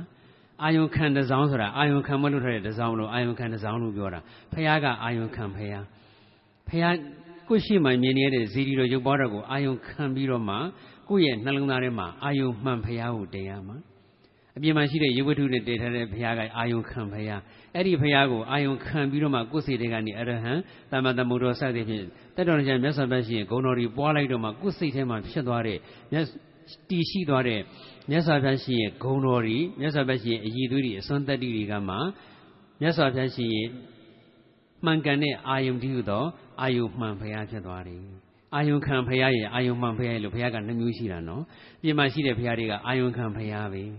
ကိုယ်စိတ်ထဲမှာဂုဏတော်ပွားပြီးတော့တည်လိုက်တဲ့ဘုရားကမှအာယုမှန်ဘုရားခုထာဝရငြိမ်းချမ်းရေးစီရီတည်တယ်ဆိုတာလေအပြင်မှာမြင်ရတဲ့ဘုရားကတော့အာယုခံဘုရားပေါ့အဲ့ဒီအာယုခံဘုရားကိုအာယုခံပြီးတော့မှကိုယ့်ရဲ့စိတ်ထဲမှာဂုဏတော်တွေပွားပြီးတော့အာယုမှန်ဘုရားကိုတည်ရမှာဘုရားပြီးတော့မှမဟုတ်ဘူးဒါဇီရီတော်ကြီးတစ်စုလုံးပြီးမှအာယုခံဘုရားဖြစ်သွားတာမဟုတ်ဘူးဇီရီဆိုတာပူဇော်ထိုက်တဲ့အရာလို့ပြောထားတော့ဒီဇီရီမှာကင်းဝနေတဲ့ဓာတ်တော်မွေတော်တွေကသာနေတကယ်တော့ဇီရီအစ်စ်ပဲအပြင်မှာမြင်ရတဲ့ ဇီဒီပုံစံဒီဇိုင်းတွေဆိုတာကတကယ်တော့ဇီရိယဂရစီတိယဂရဇီဒီအိမ်လို့ခေါ်တယ်။ဒီနည်းပြောမယ်ဆိုတော့မြတ်စွာဘုရားသတင်းသုံးကိုစောက်ထားတဲ့ကျောင်းဆောင်တဲ့သဘောချင်းတူတူပဲ။တက်ရှိထင်ရှားမြတ်စွာဘုရားယုံနဲ့ထင်ရှားရှိချိန်တုန်းကတော့ယဟန်တန်ဃာတွေနေတဲ့ကျောင်းလိုမျိုးကျောင်းဆောင်တဲ့ကဏ္ဍကုတိကျောင်းဆောင်ဆောက်တာပေါ့။တက်တော်နေချင်မြတ်စွာဘုရားမရှိတော့တဲ့ခါကျတော့ဘုရားရဲ့ကျွင်းကြံရည်တဲ့ဓာတ်တော်မွေတော်တွေဘုရားရဲ့ခန္ဓာကိုယ်အသွေးသားကဖြစ်လာတဲ့ဒီဓာတ်တော်မွေတော်တွေအတွက်ကြတော့တက်ရှိရှိတဲ့ယဟန်သားမဏိလိုကျောင်းဆောင်မျိုးဆောက်ထားရင်ရောတော့မှဆိုတဲ့အတွက် တတ်တော်တရားမြတ်စွာဘုရားကိုရည်စူးပြီးတော့ဇီရီဆိုပြီးတော့ပုံစံတစ်မျိုးနဲ့အောက်ခြေအဝါကျဲကနေအဖြန်းရှူသွားပြီးတော့ဇီရီပုံစံလေးတည်လိုက်တယ်ဒီဇီရီပုံစံလေးမြင်ရင်ကိုပဲတတ်တော်တရားမြတ်စွာဘုရားကိုအာယုံရောက်ကြရတာပဲဒါဘုရားရဲ့သင်္ကေတပဲဘုရားရဲ့နမိတ်ပုံပဲလေရုပ်ဘွားတော်ပဲဖြစ်ဖြစ်ဇီရီတော်ပဲဖြစ်ဖြစ်ရုပ်ဘွားတော်မှာပိုအားရတဲ့သူလည်းရှိတယ်လို့ဇီရီတော်မှာပိုအားရတဲ့သူလည်းရှိတာပဲတကယ်တော့ဇီရီတော်ပဲရုပ်ဘွားတော်ပဲရှေးအောင်ဘုရားပဲခေတ္တဘုရားပဲအကျွန်းသားပဲခရီးသားပဲကြောက်စင်းတူပဲ တက်သားစင်တူပဲစသည်အချင်းဒါတွေကတော့လူတွေရဲ့သတ်မှတ်ချက်တွေနဲ့အာယုံရတယ်လို့ရွေးချယ်နေကြတာပဲတကယ်တမ်းကျတော့ဘယ်ရုပ်ပွားတော့ပဲတွေ့တွေ့ဘယ်စီဒီတော့ပဲတွေ့တွေ့ဂုံတော်ကိုအာယုံရောက်ဖို့ရတာအဓိကပဲခုနခုနှစ်နှစ်သားသားငယ်လေးခုနှစ်နှစ်သားကလေးလေးပေါ့လေဇီဒီကိုဖူးမြော်ပြီးတော့ဂုံတော်ပေါ်ဝိပဿနာရှုလိုက်တော့ယဟန္တာတောင်ဖြစ်မသွားဘူးလားဖြစ်သွားတယ်အဲ့တော့ယဟန္တာဖြစ်သွားတဲ့ဆိုမှတော့စိတ်မှာလောဘဒေါသအစရှိတဲ့ကိလေသာအပူဓာတ်တွေငြင်းအေးမသွားဘူးလား ငြင်းအေးသွားတယ်ယဟန္တာဖြစ်သွားတယ်ဆိုတော့ထာဝရငြင်းအေးသွားတယ်ထာဝရငြင်းချမ်းသွားတယ်ထာဝရငြင်းချမ်းကြီးဇီဒီဆိုတာတကယ်တမ်းကျတော့ဇီဒီနဲ့ဇီဒီတော်ကိုတီထားကိုးကွယ်ကြတဲ့ကုသိုလ်ရှင်တွေအားလုံးရောဇီဒီတော်ကိုဖူးမြော်ကြတဲ့သူတွေအားလုံးရောဇီဒီတော်နဲ့ပတ်သက်တဲ့ကုသိုလ်ရှင်တွေအားလုံးရဲ့စိတ်နှလုံးမှာထာဝရငြင်းချမ်းဖို့အတွက်တည်ထားတဲ့ဇီဒီမလို့ထာဝရငြင်းချမ်းရေးဇီဒီ တာမန်ကြည့်လိုက်ရင်တော့နိုင်ငံကြီးအငွေ့သက်ပါတယ်ထာဝရငြိမ်းချမ်းရေးစီဒီဆိုတော့ထာဝရငြိမ်းချမ်းရေးအမြတ်ဆုံးရဖို့တဲတာပဲဆိုပြီးတော့ဒီလိုပဲအကြံဉာဏ်လေးယူဆကြလိမ့်မယ်တကယ်တမ်းကျတော့ဖះတဲတယ်ဆိုတာဒီဖះကိုအာရုံပြုပြီးတော့ကုသိုလ်တရားတွေတိုးပွားဂုံတော်ပွားတဲ့ကုဓာတ်ဓာတ်ရဲ့အဖြစ်တော့ဂုံတော်ပွားရမှာနော်ဥစဉ်တို့တရားဓမ္မမှာစီကံချက်တွေရှိပါတယ်တတိပဋ္ဌာန်တရားပွားများတာဝါသနာပါလုံးအားကြီးလို့ဆုံးခံကြွတဲ့ခြေလမ်းတိုင်းမှာကြွရဲလှမ်းနေချတယ်မှတ်သွားတယ် ဘယ်လိုပဲမှတ်မှတ်ဆောင်းခံကြွနေရင်လည်းပထမတော့ဒီတိုင်းပဲရိုးရိုးလမ်းပဲတစ်ပင်တော်တော်မရှိတဲ့လမ်းဆိုရင်တော့ကြွတယ်လမ်းနေချတယ်ပဲမှတ်မှတ်ထိုင်နေဟိုရှောက်တယ်ထိတယ်ပဲမှတ်မှတ်မြင်နေကြားတယ်ဒီပဲမှတ်မှတ်မှတ်ချင်ရမှတ်ပေါ့ဒါပေမဲ့ဆွမ်းခံလမ်းမှာဇေဒီတဆူဆူလေးတွေ့ပြီဆိုရင်တော့ကိုရှုမှတ်နေကြဝင်နေထွက်တယ်ထိုင်ဟိုရက်တယ်ထိတယ်ကြွတယ်လှမ်းနေချတယ်ဆိုတဲ့ဒီတတိပဋ္ဌာန်အမှတ်တွေကိုခဏရက်ထားလိုက်ပါအောင် ခဏချထားလိုက်ပါအောင်တဲ့ချထားပြီးတော့ရှေ့မှာဇီတိတော်ကိုဖူးမြော်နေရတာဖြစ်တဲ့အတွက်ကြောင့်မလို့ကိုရှုပွားနေကြတတိပဋ္ဌာန်ဝိပဿနာအတိုင်းပဲပွားမနေပဲနဲ့အရဟံတမန်တမို့တော်စသည်အပြင်ကိုအာတန်ရမြတ်စွာဘုရားရှင်ဂုဏ်တော်လေးကိုပွားလိုက်ပါဇီတိတော်ကိုဖူးမြော်ပြီးတော့ဘုရားဂုဏ်တော်ပွားတဲ့အလုပ်ကိုမလုံမဖြစ်လုပ်ကိုလုံရမယ်ဆိုတဲ့ဓမ္မစည်းကမ်းသတ်မှတ်ချက်ရှိပါတယ်ဓမ္မစည်းကမ်းဆိုတော့ဘုရားကသတ်မှတ်လိုက်တာမဟုတ်တဘာဝတရားကအဲ့ဒီတိုင်းဖြစ်ရမှာဇီတိတော်ကြီးမြင်မာလျက်နဲ့မတိကျွကျွပြုတယ်ဆိုရင်ဘုရားမလေးစားသလိုဖြစ်နေမှာပေါ့ ဗုဒ္ဓအာဂါရဝလို့ခေါ်တာပေါ့ဖះကိုမြင်နေပါလိမ့်နဲ့ဇီဇီရီဆိုတာကိုကတတ်တော်တဲ့မြတ်စွာဘုရားရှင်ရဲ့ကိုစားတော်ဖြစ်တဲ့အတွက်ဖះရှိမှရောက်ရင်ဖះကိုအာယုံပြုရတယ်လို့မျိုးပဲဇီရီတော်ရုပ်ပါတော့မြင်လိုက်တဲ့တပည့်နဲ့တခြားကမ္မထန်တွေခဏဘေးဖယ်ထားလိုက်အောင်အလွယ်ဆုံးပြောလိုက်တော့ဗောနော်ခဏဘေးဖယ်ထားလိုက်အောင်ခဏအောက်ချထားလိုက်အောင်ဖះကုံတော်လေးပွားလိုက်အောင်ဂုံတော်လေးပွားပြီးဆိုမှကိုပွားနေကြတတိပဒံဝိပဿနာဖြစ်ဖြစ်မေတ္တာကမ္မထန်ဖြစ်ဖြစ်အဲ့ဒီကမ္မထန်လေးကောက်ကင်ပြီးတော့မှပြန်ဆက်ပွားဒါဓမ္မစည်းကမ်းပဲနော်ကမ္မထန်စည်းကမ်းပဲ အဲ့တော့ဇီတိတော်ယောဂတော်တွင်ဘုရားကုံတော်ပွားရတယ်ကုံတော်ပွားတဲ့ကုသိုလ်တွေကြောင့်စိတ်နှလုံးငြိမ်းချမ်းတယ်ဒီနေ့ကတော့ငြိမ်းချမ်းရေးစီဆိုတော့အေးချမ်းတယ်လို့မသုံးတော့ဘဲနဲ့ငြိမ်းချမ်းတယ်လို့သုံးလိုက်ရမှာပေါ့အဲ့တော့ကိုယ်စိတ်ကငြိမ်းချမ်းသွားတယ်ဂုဏ်တော်လည်းပေါ့ဝိပဿနာလည်းရှုလို့ကိရိတာတွေကင်းစင်သွားတယ်ဆိုရင်တော့ယဟနာဖြစ်တိတောင်ရောက်သွားတယ်ဆိုရင်စိတ်ကလေးကသာဝရငြိမ်းချမ်းမသွားဘူးလားငြိမ်းချမ်းသွားတယ်သာဝရငြိမ်းချမ်းရေးစီရီဆိုတာဇီတိနဲ့ပတ်သက်တဲ့ကုသိုလ်ရှင်တွေရဲ့စိတ်မှာသာဝရငြိမ်းချမ်းဖို့ဒါဆိုရင်ဒီကနေ့လှူဒန်းကြတဲ့ကုသိုလ်ရှင်တွေရောအခိုးတုန်းကလှူခဲ့ဘူးတဲ့ကုသိုလ်ရှင်တွေရော နောက်လှူကြမဲ့ကုသိုလ်ရှင်တွေရောဒီဇီရီနဲ့ပတ်သက်တဲ့ကုသိုလ်ကိုတတိယတိုင်းတတိယတိုင်းတတိယတိုင်းဆိုတာတတိယအောင်လည်းလောက်ရမှာပဲနော်ကုသိုလ်တွေဆိုတာပြီးပြီးတော့ပြစ်ထားမဲ့အရာမျိုးမဟုတ်ဘူးတတိယရမယ်တတိယတိုင်းလေးပဲမြတ်စွာဘုရားရှင်ဂုဏ်တော်တစ်ခုခုပွားများရမယ်အာတန်နေဆိုရင်ဝိပဿနာလေးလည်းတွေးရှုရမယ်ဒါဆိုရင်စိတ်ဟာအမြဲတမ်းပဲငြိမ်းချမ်းနေမယ်အမြဲတမ်းတတိယအမြဲတမ်းငြိမ်းချမ်းမှာပေါ့ထာဝရတတိယထာဝရငြိမ်းချမ်းမှာပေါ့ တတိယတဲ့အခိုက်တမှသာငြိမ်းချမ်းတာမဟုတ်ပါခုနဇေဘပန်းလေးလက်ထဲဆုပ်ထားတယ်လွှင့်ပြလိုက်ပြီမယ်လို့လက်ထဲမှာဇေဘပန်းမရှိတော့ပြီမယ်လို့ဇေဘပန်းရင်နဲ့လေလက်မှာဆွဲပြီးတော့မှုကြိုင်နေတယ်လို့ပါပဲဂုံတော်ပွားတဲ့အခိုက်တံမှာသာစိတ်မှာလောဘရတအညစ်အကြေးတွေအပူတွေကင်းစင်တာမဟုတ်ပါဘူးမပွားပဲနေတဲ့အခိုက်တံမှာလည်းပွားတော့ကအရှင်လေးရှိနေတဲ့အတွက်ကြောင့်စိတ်တွေအေးချမ်းနေပါတယ်ငြိမ်းချမ်းနေပါတယ်စိတ်တွေကတည်ငြိမ်နေတယ်ရင့်ကျက်နေတယ်အာကောင်းနေတယ်ကြုံလာတဲ့အဆိုးလောကရန်အကောင်းလောကရန်အာယုန်ဒီပေါ်မှာမတုံမလို့ပဲခံနိုင်ရရှိသွားပါတယ် ဂုံတော်ပွားတယ်ဆိုတာတကယ်တော့ကိုယ်စိတ်ကိုအကောင်းဆုံးပြုပြင်တာပဲနော်ကုသိုလ်ရပြီးတော့အဆိုးကင်းမှုအကောင်းရဖို့တသက်မဟုတ်ဘူးကိုယ်စိတ်ကိုမြတ်စွာဘုရားရှင်ရဲ့ကိုကိုသိတဲ့အဓိပ္ပာယ်နဲ့ပွားများလိုက်တဲ့ဂုံတော်နဲ့သက်ဆိုင်တဲ့အည်သူတွေပြည့်စုံလာအောင်ပြုပြင်တိဆောက်ယူနေတာပဲကိရိတာကင်းစင်တော်မူသောမြတ်စွာဘုရားတို့ထက်တလဲလဲပွားများနေတာဟာကိုယ်စိတ်မှာလောဘဒေါသဆရှိတဲ့မကောင်းတဲ့ကိရိတာအညစ်အကြေးတွေကင်းစင်တဲ့ကင်းစင်လာအောင်ပြုပြင်တိဆောက်ယူနေတာပဲ သိစရာအလုံးသိတော်မူသောမြတ်စွာဘုရားတို့ပွားနေတာဟာကိုယ်လည်းပဲသိတဲ့သိတတ်တဲ့အရာမှန်သမျှကိုသိတဲ့ဉာဏ်ဤအားကောင်းလာအောင်ပြုပြင်တိဆောက်ယူနေတာပဲဝိဇ္ဇာစရဏတန်ပန်တော့အတိရောအကျင့်ရောပြည့်စုံတော်မူသောမြတ်စွာဘုရားတို့ပွားနေတာဟာသိပြီးတော့မကျင့်တဲ့အခြေအနေမျိုးတွေကနေလွတ်မြောက်အောင်သိပြီးကျင့်တဲ့အခြေအနေတွေများတဲ့များလာအောင်သိတဲ့အတိုင်းကျင့်နိုင်အောင်လို့ကိုယ့်ကိုယ်ကိုပြုပြင်တိဆောက်ယူနေတာပဲသူကတော့ဆိုလည်းခုနပြောခဲ့တဲ့အတိုင်းပဲပေါ့အဲ့တော့ဂုံတော်ပွားတယ်ဆိုတာကိုယ့်ရဲ့စိတ်ဓာတ်နဲ့ကိုယ့်ရဲ့လုပ်ရက်တွေကိုပြုပြင်နေတာပဲအဲ့တော့သာဝရငြိမ်းချမ်းရေးစီတီ ဘာတွေသာဝရငြိမ်းချမ်းလာလဲဆိုရင်ကိုယ်စိတ်မှာရှိတဲ့လောဘဒေါသစရှိကိလေသာညစ်ကြီးတွေသာဝရငြိမ်းချမ်းသွားတာဒါကအဓိကအနှစ်သာရပဲနော်သာဝရငြိမ်းချမ်းရေးငြိမ်းချမ်းတဲ့ဆိုတဲ့နေမှာအရေးအကြီးဆုံးအဆင့်အနိကဆုံးအဆင့်အသေးချာဆုံးအဆင့်ကတော့ကိုပြုတဲ့ဇီဒီတဲတဲ့ကိစ္စရဲ့နဲ့ပတ်သက်တဲ့ကုသိုလ်တွေကိုတတိယတိုင်းဂုံတော်ပွားဂုံတော်ပွားရုံနဲ့မကဦးဇင်းတို့သာဝရငြိမ်းချမ်းရေးစီကျတော့နာမည်ကသာဝရငြိမ်းချမ်းရေးစီဆိုတော့နိုင်ငံမှာသာဝရငြိမ်းချမ်းရေးအများဆုံးရဖို့ဆိုတဲ့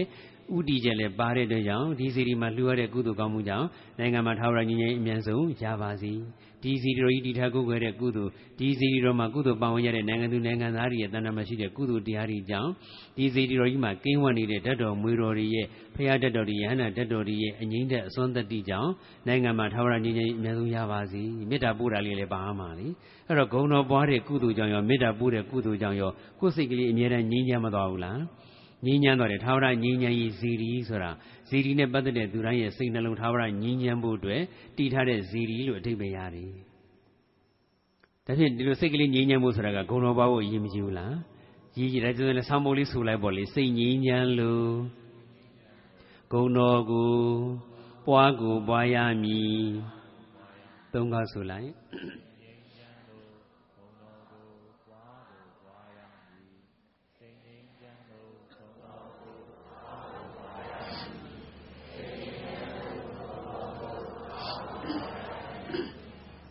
စိတ်ကလေးငြိမ်းချမ်းခြင်းနဲ့ဆိုမြတ်စွာဘုရားဂုဏ်တော်တွေကိုအထိပ္ပယ်ပြီးပြီးလေးနဲ့ပွားများရမယ်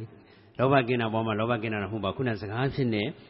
စကားဖြစ်နေဆိုတာကပို့ပြီးတီးကြတဲ့တီးကြအောင်ပြောလိုက်တာပါတီးစရာအလုံးတီးတော်မူသောမြတ်စွာဘုရားပွားလေးပဲဉာဏ်ပညာကြီးုံနဲ့မကဘဲနဲ့လောဘရတကင်းတဲ့ကောင်းကျိုးလေးပဲရမှာပါပဲဒါပေမဲ့ပို့တီးကြတာကတော့လောဘကင်းတဲ့အကြောင်းပွားလိုက်တော့ကိုယ်စိတ်မှာကိုပွားနေတာကလောဘကင်းတဲ့အကြောင်းပွားနေတာဖြစ်တော့ကိုယ်စိတ်မှာရှိတဲ့လောဘတွေကင်းစင်မှုတပူပြီးတော့ပေးကြသွားတယ် ကိုယ်စိတ်ထာဝရငြိမ်းချမ်းဖို့ကိုယ်ဘဝထာဝရငြိမ်းချမ်းဖို့ကအဓိကပြီးတော့မှနောက်တစ်ဆင့်တက်လိုက်တော့မှဒီလိုပြုရတဲ့ကုသိုလ်ကြောင့်နိုင်ငံမှာထာဝရငြိမ်းချမ်းအမြဲဆုံးရပါစေထာဝရငြိမ်းချမ်းစီတည်ရတဲ့ကုသိုလ်ကြီးကနိုင်ငံမှာကျိုးပန်းအားထုတ်နေတဲ့ထာဝရငြိမ်းချမ်းလုပ်ငန်းစဉ်ကိုအထောက်အကူပြုပြီးတော့ထာဝရငြိမ်းချမ်းကြီးအမြဲဆုံးရပါစေဒါအကျိုးတရားတစ်ခုဖြစ်ပေါ်လာဖို့ဆိုတာကအကြောင်းတရားတွေအများကြီးပေါင်းစုံစုစည်းရတယ်အကြောင်းတရားတစ်ခုတည်းကြောင့်အကျိုးတရားတစ်ခုဖြစ်တယ်ဆိုတာလောကကြီးမှာလုံးဝမရှိဘူး အကြောင်းတရားတစ်ခုတည်းကြောင့်အကျိုးတရားတစ်ခုဖြစ်ထွန်းလာတယ်ဆိုတာဖြစ်ရိုးထုံးစံမရှိဘူးအကျိုးတရားတစ်ခုဖြစ်ပေါ်လာဖို့ဆိုတာအကြောင်းတရားတွေအများကြီးပေါင်းစုံစုစည်းရတယ်ဒီနေ့တရားဝဲဖြစ်ဖို့ဆိုရင်ကိုပဲအကြောင်းတရားတစ်ခုတည်းနဲ့ရပါမလား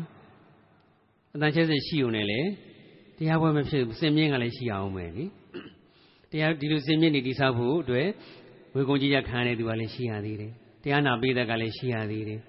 အခမ်းအနားစီစဉ်မှုကိုကြိုထိုင်အောင်ကလည်း ရှိရသေးတယ်စသည်အဖြစ်မဟောမဲ့သူကလည်းရှိရသေးတယ်တရားဝဲကြီးတစ်ခုဖြစ်မြောက်အောင်မြင်ခြင်းဆိုတဲ့အကျိုးတရားတစ်ခုဖြစ်ပေါ်လာဖို့အတွက်တနည်းပြောမယ်ဆိုတော့ဓမ္မဒါနကုသိုလ်ကြီးဖြစ်ပေါ်လာဖို့အတွက်အကြောင်းတရားတွေအများကြီးမပေါင်းစုံပါဘူးလားပေါင်းစုံရတယ်အကြောင်းတရားတွေအလုံးပေါင်းစုံမှအကျိုးတရားတစ်ခုဆိုတာကဖြစ်ပေါ်လာတာ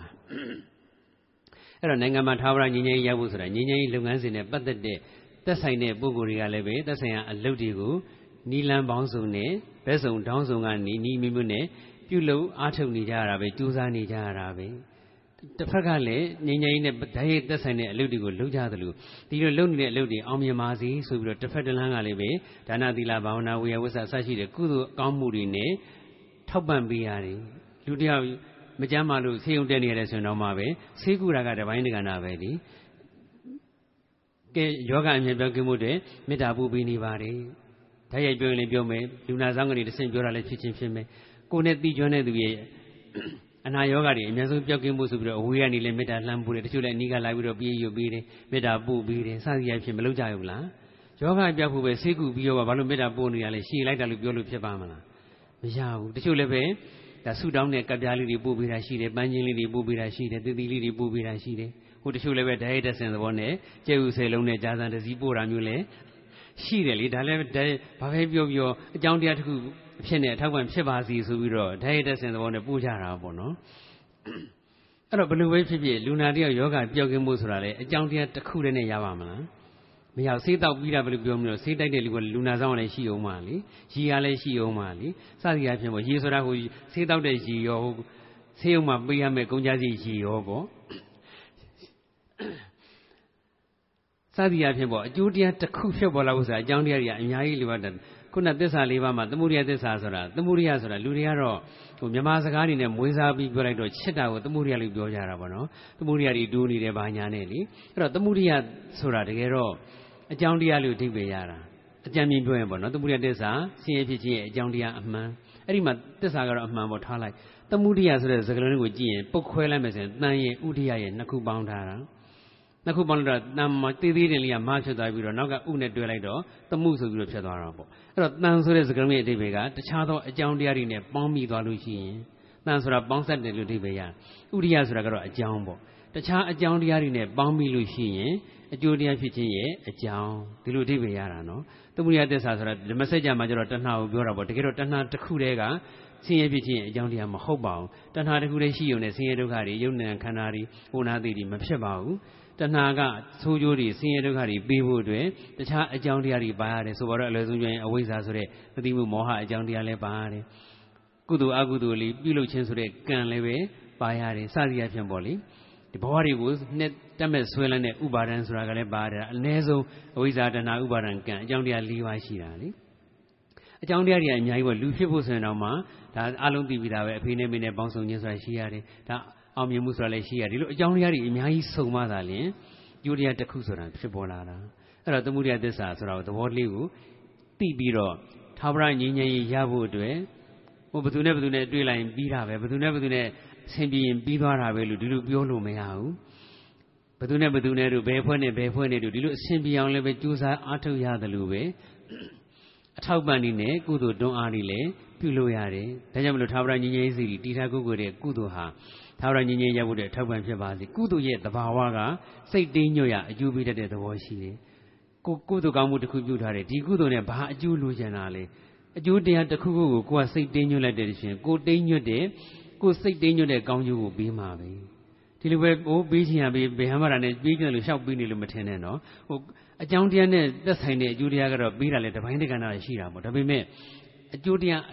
ထူးခြားတဲ့အကျိုးတရားဆိုတာကတော့ကိုယ်စိတ်ကအထူးတလဲကိုတင်းညွတ်မှပေးတာဆိုတော့အားလုံးသိပြီးသားမြင်လိုက်တာနဲ့ယူသွားတဲ့ဟိုအမျိုးသမီးလေးတယောက်ရှိတယ်ဘယ်သူလဲတော့မြင်သူတိုင်းယူသွားတဲ့အောင်ချောတယ်ဆိုတဲ့အမျိုးသမီးလေးတယောက်လေးဇတ်တော်မှာပါတာ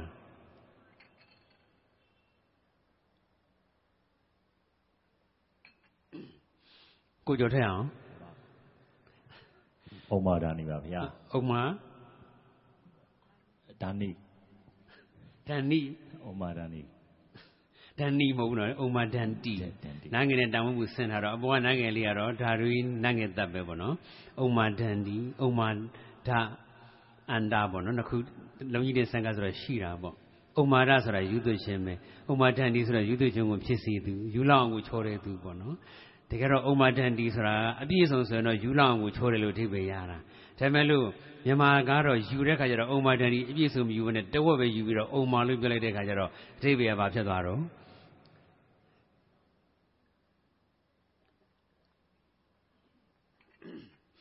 အခုပဲပြောခဲ့ပြီလေဥမာရဆိုတာယူတာဥမာတန်ဒီဆိုတော့မှယူလောက်အောင်ချောတာဆိုတော့ဥမာလေးပဲကွက်ယူလိုက်တဲ့ခါကျတော့အထိပ္ပယ်ကမြန်မာလူတွေပဲဘာဖြစ်သွားတော့ယူတော့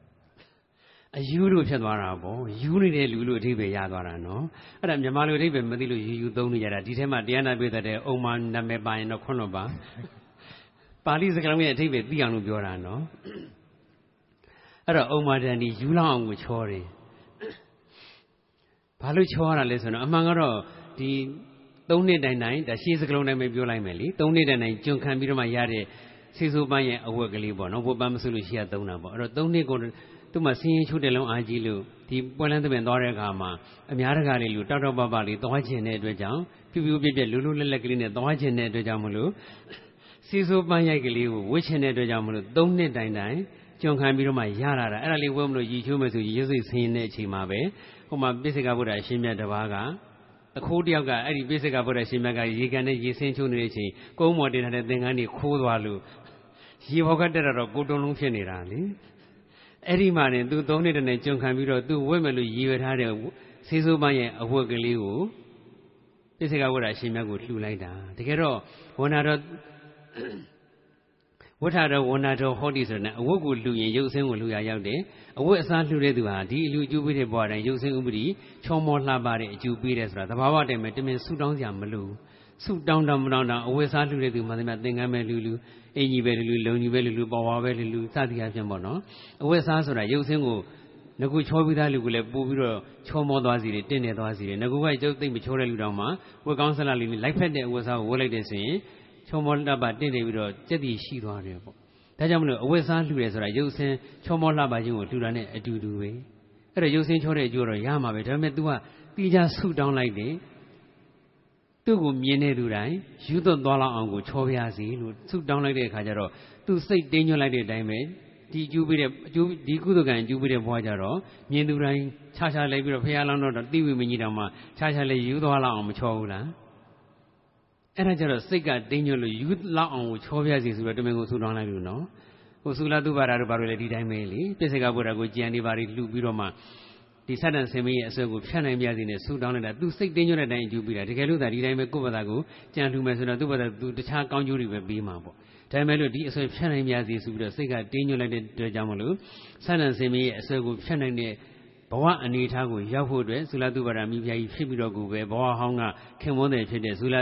သတ္တန်စင်မင်းရဲ့အဆွေကိုဖြတ်တဲ့ဘဝရောက်ရတာလေ အဲ့ဒါဆိုလိုတာကတော့ကုသိုလ်ဆိုတာစိတ်သိမ်းညွတ်ရအကျိုးပေးတတ်တဲ့သဘာဝရှိပါတယ်ထာဝရငြိမ်းချမ်းရေးစီရင်မကြီးတည်ထားကိုယ်ွယ်တဲ့ကုသိုလ်ကောင်းမှုကြောင့်နိုင်ငံမှာထာဝရငြိမ်းချမ်းရေးအများဆုံးရပါစေလို့စိတ်ကတင်းညွတ်လိုက်တယ်ဆိုရင်စိတ်တင်းညွတ်လိုက်တဲ့အတိုင်းသူ့အတိုင်းတည်းနဲ့သူကောင်းကျိုးပေးမှာပေါ့တကယ်ရတယ်မရဘူးဆိုတာကတော့နိုင်ငံသူနိုင်ငံအခုတရားနာပြည်သက်များအပါဝင်နိုင်ငံသူနိုင်ငံသားအားလုံးရဲ့စုပေါင်းအင်အားပေါ်မှာမူတည်တာပေါ့တယောက်ချင်းတယောက်ချင်းကနိုင်ငံမှာ ထာဝရညီငယ်ရစီခြင်းနဲ့ဆန္ဒရှိတယ်ဒီဆန္ဒနဲ့ထာဝရညီငယ်စီမြတ်ကြီးမှာကိုဆွမ်းတဲ့ဒီမှာကုသိုလ်ပါဝင်တယ်ဒီစီဒီမှာကုသိုလ်ပါဝင်ရတဲ့အတွက်ကြောင့်ဒီစီရောတည်ထားတဲ့ကုသိုလ်ကြောင့်ထာဝရညီငယ်အများဆုံးရပါစေလို့မေတ္တာပို့တယ်ထာဝရညီငယ်အများဆုံးရခြင်းနဲ့ဆန္ဒဓာတ်ဒီထာဝရညီငယ်အများဆုံးရပါစေလို့ပို့တာတဲ့မေတ္တာဓာတ်ဒီ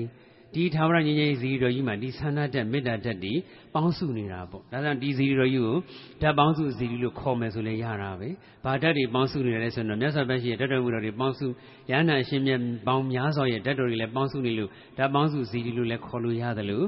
အလူရှင်ကုသိုလ်ရှင်တွေရဲ့ငြိမ်းချမ်းရေးရစီခြင်းနဲ့ဆန္ဒတက်ငြိမ်းချမ်းရေးရပါစီဆိုတဲ့မေတ္တာတက်တွေပေါင်းစုနေလို့လည်းပဲဓာတ်ပေါင်းစုဇီရီလို့ခေါ်လို့ရတယ် ဒီစီရီနဲ့ပတ်သက်တဲ့ကုသိုလ်တတိယတိုင်းဘုရားကုဏ္ဏကိုအဓိပ္ပာယ်သိသိနဲ့ပွားများနေမယ်ဆိုရင်ဂုဏ်တော်ပေါ်မှာစိတ်တည်ငြိမ်တဲ့တမာတိဓာတ်ဒီဂုဏ်တော်ရဲ့အဓိပ္ပာယ်ကိုသိနေတဲ့ပညာဓာတ်ဒီဂုဏ်တော်မြတ်စွာဘုရားရှင်ရဲ့ဂုဏ်တော်ပေါ်မှာကြည်ညိုတဲ့သရာဓာတ်ဒီသရာဓာတ်တမာတိဓာတ်ပညာဓာတ်ဒီလည်းပေါင်းစုနေလို့ဓာတ်ပေါင်းစုစီဒီကောင်းမြတ်တဲ့ဓာတ်ဒီပေါင်းစုနေတဲ့စီဒီဆိုမှတော့ကောင်းမြတ်တဲ့အကျိုးကိုသိကြပေါက်ပေးမှာပေါ့ဒါကြောင့်မလို့ ဒုတိယမြောက်အကျိုးတရားအနေနဲ့ကတော့ဒီစီတော်နဲ့ပတ်သက်တဲ့ကုသိုလ်အရရကြောင့်မလို့နိုင်ငံမှာထာဝရငြိမ်းချမ်းရေးအများဆုံးရပါစီရတိကြပေါက်ရကိုရမယ်လို့လဲခိုင်မာယုံကြည်ထားမှာပေါ့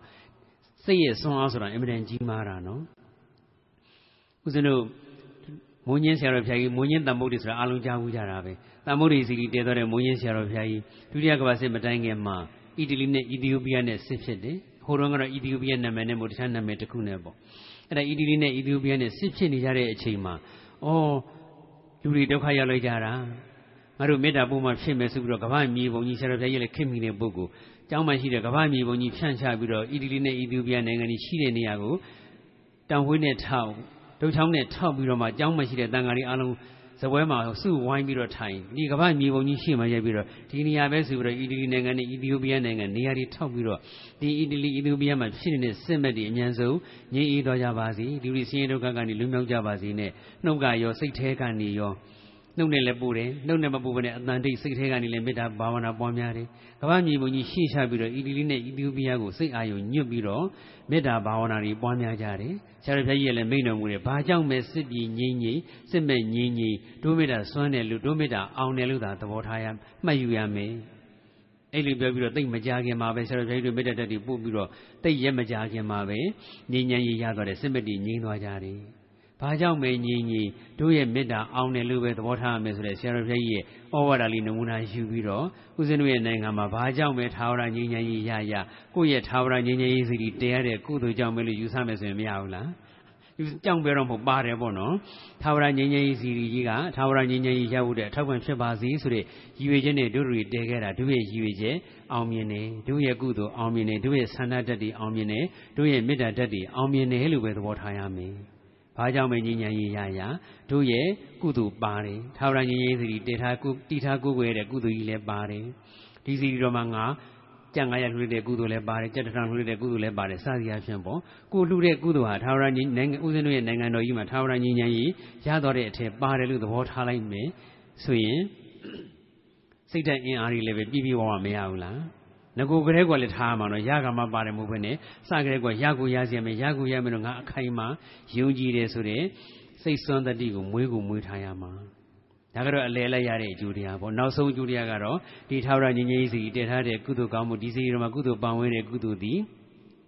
နိဗ္ဗာန်ချမ်းသာကြီးရဲ့အထောက်ပံ့ဖြစ်ပါစေလို့အာယုံပြုလိုက်မယ်ဆိုရင်ဒီဘဝမှာအတိတ်ကပါရမီတွေကအများကြီးဖြည့်လိုက်ကြလို့ဒီဘဝမှာပါရမီပြည့်တယ်ဆိုရင်လည်းပဲထာဝရညီငြိမ်းစီတည်ရတဲ့ကုသိုလ်လေးကထပ်ဖြည့်ဆွတ်လိုက်တဲ့အတွက်ကြောင့်ပါရမီကပူပြည့်သွားပြီးတော့ဇေဒီအာယုံပြုဂုဏတော်ဘဝဝိပဿနာရှိဝင်တဲ့ဝိပဿနာဉာဏ်လည်းရင့်သွားပြီဆိုရင်ဒီဘဝမှာရင်လည်းနိဗ္ဗာန်မျက်မှောက်ပြုနိုင်တယ်ဒီဘဝမှာနိဗ္ဗာန်မျက်မှောက်မပြုဘူးဆိုလည်းပဲပါရမီပြည့်တဲ့ဘဝတစ်ခုခုမှာတော့ဒီထာဝရငြိမ်းချမ်းရေးစီတည်ထားကိုးကွယ်ရတဲ့ကုသိုလ်ကောင်းမှုကြောင့် နိဗ္ဗာန်ချမ်းသာကိုမျက်မှောက်ပြုကြမှာပဲတကယ်တမ်းကျတော့နောက်ဆုံးကျတော့နိဗ္ဗာန်ပြီးပင်လင်နိဗ္ဗာန်ပြီးသားလျင်သာဝရငြိမ်းချမ်းရေးအစစ်ပဲယုံ nant ခန္ဓာလုံးဝမရှိတဲ့အတွက်ကြောင့်အိုရာတွေနာရာတွေသိတာတွေစရှိတဲ့ချစ်သူနဲ့ကွယ်မုန်းသူနဲ့တွေ့ဆိုတဲ့ဆင်းရဲဒုက္ခတွေဘာမှမရှိတော့ဘူးဆင်းရဲဒုက္ခတွေအလုံးချုပ်ငြိမ်းသွားတယ်အဲ့တော့ယုံ nant ခန္ဓာတွေလုံးဝချုပ်ငြိမ်းသွားလို့ဆင်းရဲဒုက္ခမှန်သမျှချုပ်ငြိမ်းသွားတဲ့နိဗ္ဗာန်ဒီ နိဗ္ဗာန်တည်တာလည်းသာဝရငြိမ်းချမ်းရေးအစစ်ပဲသာဝရငြိမ်းချမ်းရေးဇီရီဆိုတာဒီဇီရီနဲ့ပတ်သက်တဲ့လူတွေအားလုံးသာဝရငြိမ်းချမ်းရာဖြစ်တဲ့နိဗ္ဗာန်ကိုမျက်မှောက်ပြုနိုင်ကြပါစေဆိုတဲ့ရည်ရွယ်ချက်နဲ့တည်တဲ့ဇီရီမှုလို့လေသာဝရငြိမ်းချမ်းရေးဇီရီလို့ခေါ်တာကုသိုလ်ရှင်တယောက်ချင်းကလည်းပဲသာဝရငြိမ်းချမ်းရေးအစစ်ဖြစ်တဲ့နိဗ္ဗာန်ကိုမျက်မှောက်ပြုနိုင်ဖို့ဒီဒီဖះမှာလာပြီးတော့ကုသိုလ်ပြုတဲ့သူတွေလည်းပဲဒီဒီဇီရီနဲ့ပတ်သက်တဲ့ကုသိုလ်တွေကြောင့်နိဗ္ဗာန်မျက်မှောက်ပြုကြဘူးတကယ်တော့ဖះတည်တယ်ဆိုတာနိဗ္ဗာန် ပို့တဲ့ကုသိုလ်ပဲဘုရားတည်တဲ့ကုသိုလ်ဆိုတာလူပေါင်းမြောက်များစွာကိုနိဗ္ဗာန်ပို့ပြီးတဲ့ကုသိုလ်ပဲဒီဘုရားကြီးပြီးသွားလို့ရှိရင်ပြီးမှတော့မဟုတ်ပါဘူးခုကလေးကပဲပေါ့ပြီးမှပဲထားလိုက်တော့ထာဝရညီငယ်စီရီတိထားကိုယ်ပဲပြီးသွားပြီဆိုရင်ဘုရားဘုရားမှာလာပြီးတော့ဖူးမြော်ကြမယ်ဘုရားဖူးတဲ့ကုသိုလ်တွေရကြမယ်ဂုဏ်တော်ပွားတဲ့ကုသိုလ်တွေရကြမယ်ပန်းရည်ရန်ဆွမ်းစီမိပူဇော်ကြမယ်ပန်းရည်ရန်ဆွမ်းစီမိပူဇော်တဲ့ကုသိုလ်လည်းရမယ်ဖះကုံတော်ထိုင်ပြီးတော့ပွားကြမယ်ပရိစိတ်ကြမယ်ပြေရွတ်မယ်ပဋ္ဌာန်းရွတ်မယ်တတိပဏဝိပဿနာတွေရှုပွားကြမယ်စသည်အဖြစ်ပေါ့ ဒီစီတီတော်ကြီးမှလာပြီးတော့ကုသိုလ်ကောင်းမှုတွေပြုကြမှာပဲအဲ့ဒီကုသိုလ်တွေကြောင့်အဲ့ဒီကုသိုလ်ရှင်တွေဟာဒီဘဝမှာပဲဖြစ်ဖြစ်ဘဝတစ်ခုခုမှာပဲဖြစ်ဖြစ်နိဗ္ဗာန်ချမ်းသာကိုသိကြပေါက်ရောက်ကိုရောက်ကြမှာပဲမရောက်မဲ့သူတယောက်မှကိုမရှိဘူးဒီဖះမှာဖះဘူးတသိန်းရှင်အဲ့ဒီတသိန်းလုံးတနည်းနည်းတစ်ချိန်မှာနိဗ္ဗာန်ကိုသိကြပေါက်ရောက်ကိုရောက်မှာဒါကြောင့်မလို့ဘုရားတည်တဲ့ကုသိုလ်ဆိုတာလူပေါင်းမြောက်များစွာကိုနိဗ္ဗာန်ပို့ပေးတဲ့ကုသိုလ်ပဲဒါပြည့်တဲ့ကတော့မှဒါရဲ့ဟောကြားထားတဲ့ဒေသနာရှိတယ်နော်အဲ့တော့လူပေါင်းမြောက်များစွာကိုနိဗ္ဗာန်ပို့ပေးတဲ့ကုသိုလ် တည်တည်လေးတစ်လုံးဒီဘုရားမှာလာလူဒီကုသိုလ်ကြောင့်တစ်ချိန်ချိန်မှာနိဗ္ဗာန်မျက်မှောက်ပြုသွားမယ်ဆိုရင်အဲ့ဒီလူရတဲ့နိဗ္ဗာန်ကိုပေးလိုက်တာပဲလေအဲ့ဒီလူကိုနိဗ္ဗာန်ရအောင်ကိုပို့ပေးလိုက်တာပဲဖះတည်တယ်ဆိုတော့ဟာလောကီလိုင်းနေပဲဝိဇ္ဇာလိုင်းနေဆိုပဲဆိုပြီးတော့အပေါ်ယံလေးတွေးပြီးတော့အထင်မသေးလိုက်နဲ့နော်အင်မတန်မှကြီးကျယ်မြင့်မြတ်တဲ့ကုသိုလ်ပဲထင်သေးပြီးတော့ပြင်းပြောမယ်ဆိုရင်ကိုယ်ပဲအကုသိုလ်ဖြစ်မှာပဲထာဝရငြိမ်းချမ်းရေးစီတည်ယုံနဲ့ထာဝရငြိမ်းချမ်းရသွားမှာမို့လို့လားဖះတည်တဲ့ငြိမ်းချမ်းရေးရတော့တို့တွေလည်းတင်မှာပေါ့နဲ့အလွယ်တကူပြောကြတာတကယ်တမ်းကျတော့ ထာဝရငြိမ်းချမ်းရေးစီဇေဇေဒီတယုံတက်တက်နဲ့တော့လည်းဘယ်ရပါမလဲဒါပေမဲ့လို့လည်းပဲရေထာဝရငြိမ်းချမ်းရဖို့အတွက်အင်အားကြီးမားတဲ့ကုသိုလ်အထောက်ပံ့ကတော့ဖြစ်ပါတယ်ပဋ္ဌာန်းမှာဥပနိဒိယပစ္စည်းပဋ္ဌာန်းပစ္စယနိတိတာလည်းရွတ်နေကြတာပဲလေဥပနိဒိယပစ္စည်းမှာဆိုရင်ပုရိမာပုရိမာကုသလာဓမ္မစသည်အဖြစ်မရှိဘူးလားကုသိုလ်ကြောင့်ကုသိုလ်ကိုကြီးစုပြုရဆိုတာလည်းရှိတာပဲ သေနန္တနာမိဥပါရိတ္တပစ္စည်းနာပစ္စည်းရောစသည်အဖြစ်လည်းရှိတာပဲလေသေနန္တနာဆိုတဲ့အိယာတွေနေရာတွေအသုံးဆောင်ပစ္စည်းတွေရုပ်ဝတ္ထုတွေကလည်းပဲကုသိုလ်အကုသိုလ်ဖြစ်ခြင်းကိုကျေစုပြုတယ်စသည်အဖြစ်ပေါ့လေဒါပညာဝါဒပါဠိတော်မှာဆိုတော့အကျေပါတာပေါ့ အဲ့တော့ဖះတရားတဲ့ကုသိုလ်ကောင်းမှုကြီးကသာဝရဉာဏ်ဉာဏ်ရရှိခြင်းဆိုတဲ့ကောင်းကျိုးချမ်းသာရဖို့အတွက်အကြောင်းတရားတစ်ခုအနေနဲ့ပဋ္ဌာန်းသဘောတရားအရလည်းအထောက်အကူသေချာပေါက်ပြုပါတယ်။ဘာလို့သေချာပေါက်ပြုတယ်လို့ပြောရလဲဆိုတော့ဒီဖះတည်တဲ့သူတွေဒီဖះနဲ့ပတ်သက်ဆက်ဆက်နေတဲ့သူတွေအားလုံးရဲ့စိတ်တင်းညွတ်မှုကိုကသာဝရဉာဏ်ဉာဏ်အများဆုံးရပါစေဆိုတာမျိုးဖြစ်နေတာလေ။စိတ်တင်းညွတ်တဲ့ကုသိုလ်ကောင်းကျိုးတွေကပြီးကြမှာပဲ။စံမြေဖះခန္ဓာကိုယ်ကဥစဉ်တို့ ပြီးခဲ့တဲ့သိညာတွင်တော့ပေါ့လေ2018ပေါ့သိညာတွင်တော့ဂျပန်ရောက်တယ်ဂျပန်မှာဥနုဆိုရလက်ထက်ကတည်ထားတယ်ညဉ့်ဉန်းစီတီဖူးမြော်ခဲ့ရတယ်ညဉ့်ဉန်းစီတီဖူးမြော်လူတွေဆိုတော့ဘုရားဖူးပြီးဆူတောင်းကြတယ်အများကြီးရှိမှာပေါ့ကိုကဘုန်းကြီးဆိုတော့လည်းဘာစုမှတောင်းစရာမရှိဘူးလေနိဗ္ဗာန်ဆိုတော့ကလည်းကိုယ့်ဘာသာကိုအားထုတ်မှပဲရမှာဆိုတော့အထူးတည်းတောင်းမနေတော့ဘူးအဲ့တော့ဘာစုတောင်းအောင်ကောင်းမလဲစဉ်းစားနေတာပေါ့လေနောက်တော့လေဇီရီပွဲတော်ကငြိမ်းငြိမ်းရေးဇီရီဆိုမှတော့လေ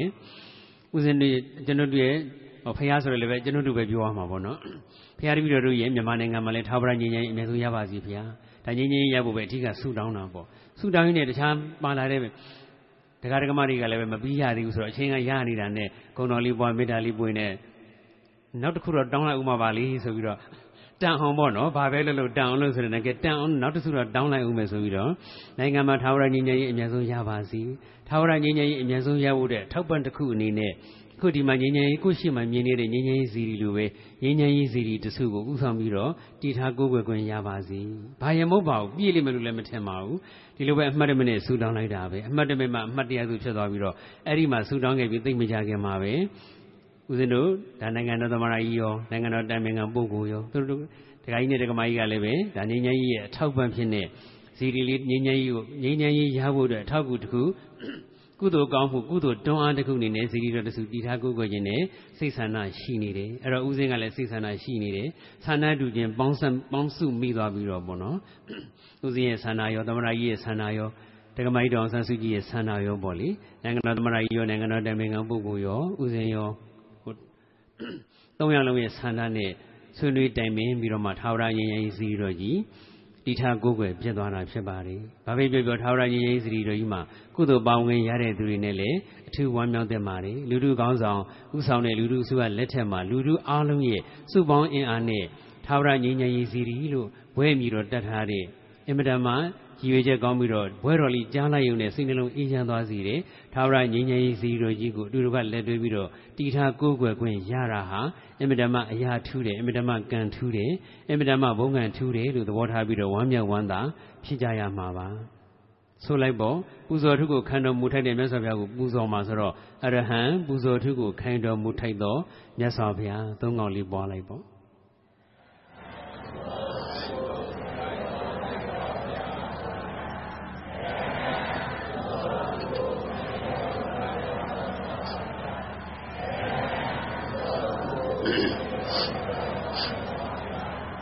ပူဇော်ထုကိုခံတော်မူထိုက်တဲ့မြတ်စွာဘုရားရှင်အားသာဝရငြိမ်းချမ်းရေးစီရင်မဲ့ကြီးဖြင့်ပူဇော်ပါတယ်စသည်အဖြစ်ပူဇော်တဲ့အလုပ်ကိုလုပ်နေတာဖြစ်တဲ့ပူဇော်တာနဲ့ပတ်သက်တဲ့ဂုဏ်တော်လေးကိုစကင်ပြီးတော့ပွားရမယ်ပြီးတော့မှဘာကြောင့်ပူဇော်တတ်တယ်ဆိုတာချက်ပွားမှာပေါ့ဒီလိုဆိုရင်ဂုဏ်တော်တွေကိုတိတ်ပိတ်သီးနဲ့ပွားမယ်ဆိုရင်နိုင်ငံမှာသာဝရငြိမ်းချမ်းရေးရတာမရတာသူ့သူ့အပိုင်းပဲ တစ်ချိန်မှာနိဗ္ဗာန်ချမ်းသာကြီးမျက်မှောက်ပြုပြီးတော့သာဝရငြိမ်းချမ်းရေးမရတာမရတာကနောက်အပိုင်းပဲဂုဏ်တော်တွေပွားတဲ့အတွက်ခုလောလောဆယ်တော့ကိုယ်စိတ်ကလေးမအေးချမ်းဘူးလားအေးချမ်းနေကိုလိုချင်တဲ့ကောင်းကျိုးနဲ့သက်ဆိုင်တာလေးလည်းပွားဖို့လိုတယ်နော်ကိုကသောကတွေဖြစ်နေတဲ့ဆိုရင်သောကခတ်သိငြိမ်းတော်မူသောမြတ်စွာဘုရားအရဟံတို့တမ္မာတမ္မတော်ပါဠိတွေနဲ့တွဲပြီးပွားမှာမဟုတ်ပါဘာပါဠိမှမပါလေးပဲကိုကလောလောဆယ်ပူပန်သောကဖြစ်နေဆိုရင်သောကခတ်သိငြိမ်းတော်မူသောမြတ်စွာဘုရားထပ်တလဲသာပွားပါဓာတ်တွေကူးဆက်ပြီးတော့သောကတွေငြိမ်းကိုငြိမ်းသွားပါလိမ့်မယ် တရားရောက်ပေါ်မှာမကြည်မနဲ့နဲ့ဒေါသဖြစ်နေတယ်ဆိုရင်ဒေါသခတ်သိငြိမ်းတော်မူသောမြတ်စွာဘုရားထပ်တလဲလဲပွားပေါ့ဒါဆိုရင်ဒေါသတွေလည်းငြိမ်းမသွားနိုင်ဘူးလားအကြောင်းများတစ်ခုခုကြောင့်ဖြစ်ပြတစ်ခုခုကြောင့်စိတ်ပူလောင်နေတယ်ဆိုရင်လေစိတ်ပူလောင်ခြင်းကင်းတော်မူတဲ့မြတ်စွာဘုရားအရဟံစကလုံးမပါပြီမဲ့စိတ်ပူလောင်ခြင်းကင်းတော်မူတဲ့မြတ်စွာဘုရားပွားနေတာကအရဟံပွားနေတာပဲနော်ပါဠိစကလုံးအတုံးလိုက်လေးလည်းကြီးပါမှာဂုံတော်ပွားတယ်မထင်နဲ့ဦးကိုကအသေးကွဲလို့ဝမ်းနေနေတယ်ဆိုလို့ရှိရင်လည်းဘယ်လိုပွားမလို့ ဝမ်းနေခြင်းကင်းတော်မူသောမြတ်စွာဘုရားအသေးကွဲခြင်းကင်းတော်မူသောမြတ်စွာဘုရားမြတ်စွာဘုရားဘာအကြောင်းကြောင့်မှအသေးကွဲတယ်ဝမ်းနေတယ်ဆိုတာမရှိဘူးပြန်တွေးပြီးတော့လည်းဝမ်းမနေခုနှစ်ရက်သားလေးနဲ့မေတော်ကြီးကဘဝကူးပြောင်းသွားတာလေကို့အမေရင်းနဲ့ချိန်ကြကြနေလေရတယ်လို့မှမရှိပဲပြီးပြီးသားအတိပြန်တွေးပြီးတော့အော်ငါခင်ဗျကန်ဆိုးရှာလိုက်တာငါအမေနဲ့ခုနှစ်ရက်ကလေးပဲခုနှစ်ရက်ဆိုတော့ဘာမှလည်းမသိသေးဘူးဆိုပြီးတော့တွေးပြီးဝမ်းနေတယ်ဆိုတာရှိရလားဂုံတော်ကအကျေရှင်းပွားရမှာနော်ဝမ်းနေရင်ကင်းတော်မူတော့ မြတ်စွာဘုရားစသည်အဖြစ်ပေါ့အဲ့တော့ဘုရားကုံတော်ပွားတယ်ဆိုတာတကယ်တော့အကောင်းဆုံးဆေးကိုတောက်သုံးတာပဲအသေးကိုရင်ပျောက်တယ်ဆိုတဲ့ဆေးဆိုပြီးတော့တချို့ကလည်းပဲလူကျင်တဲ့သူတွေမရှိဘူးလား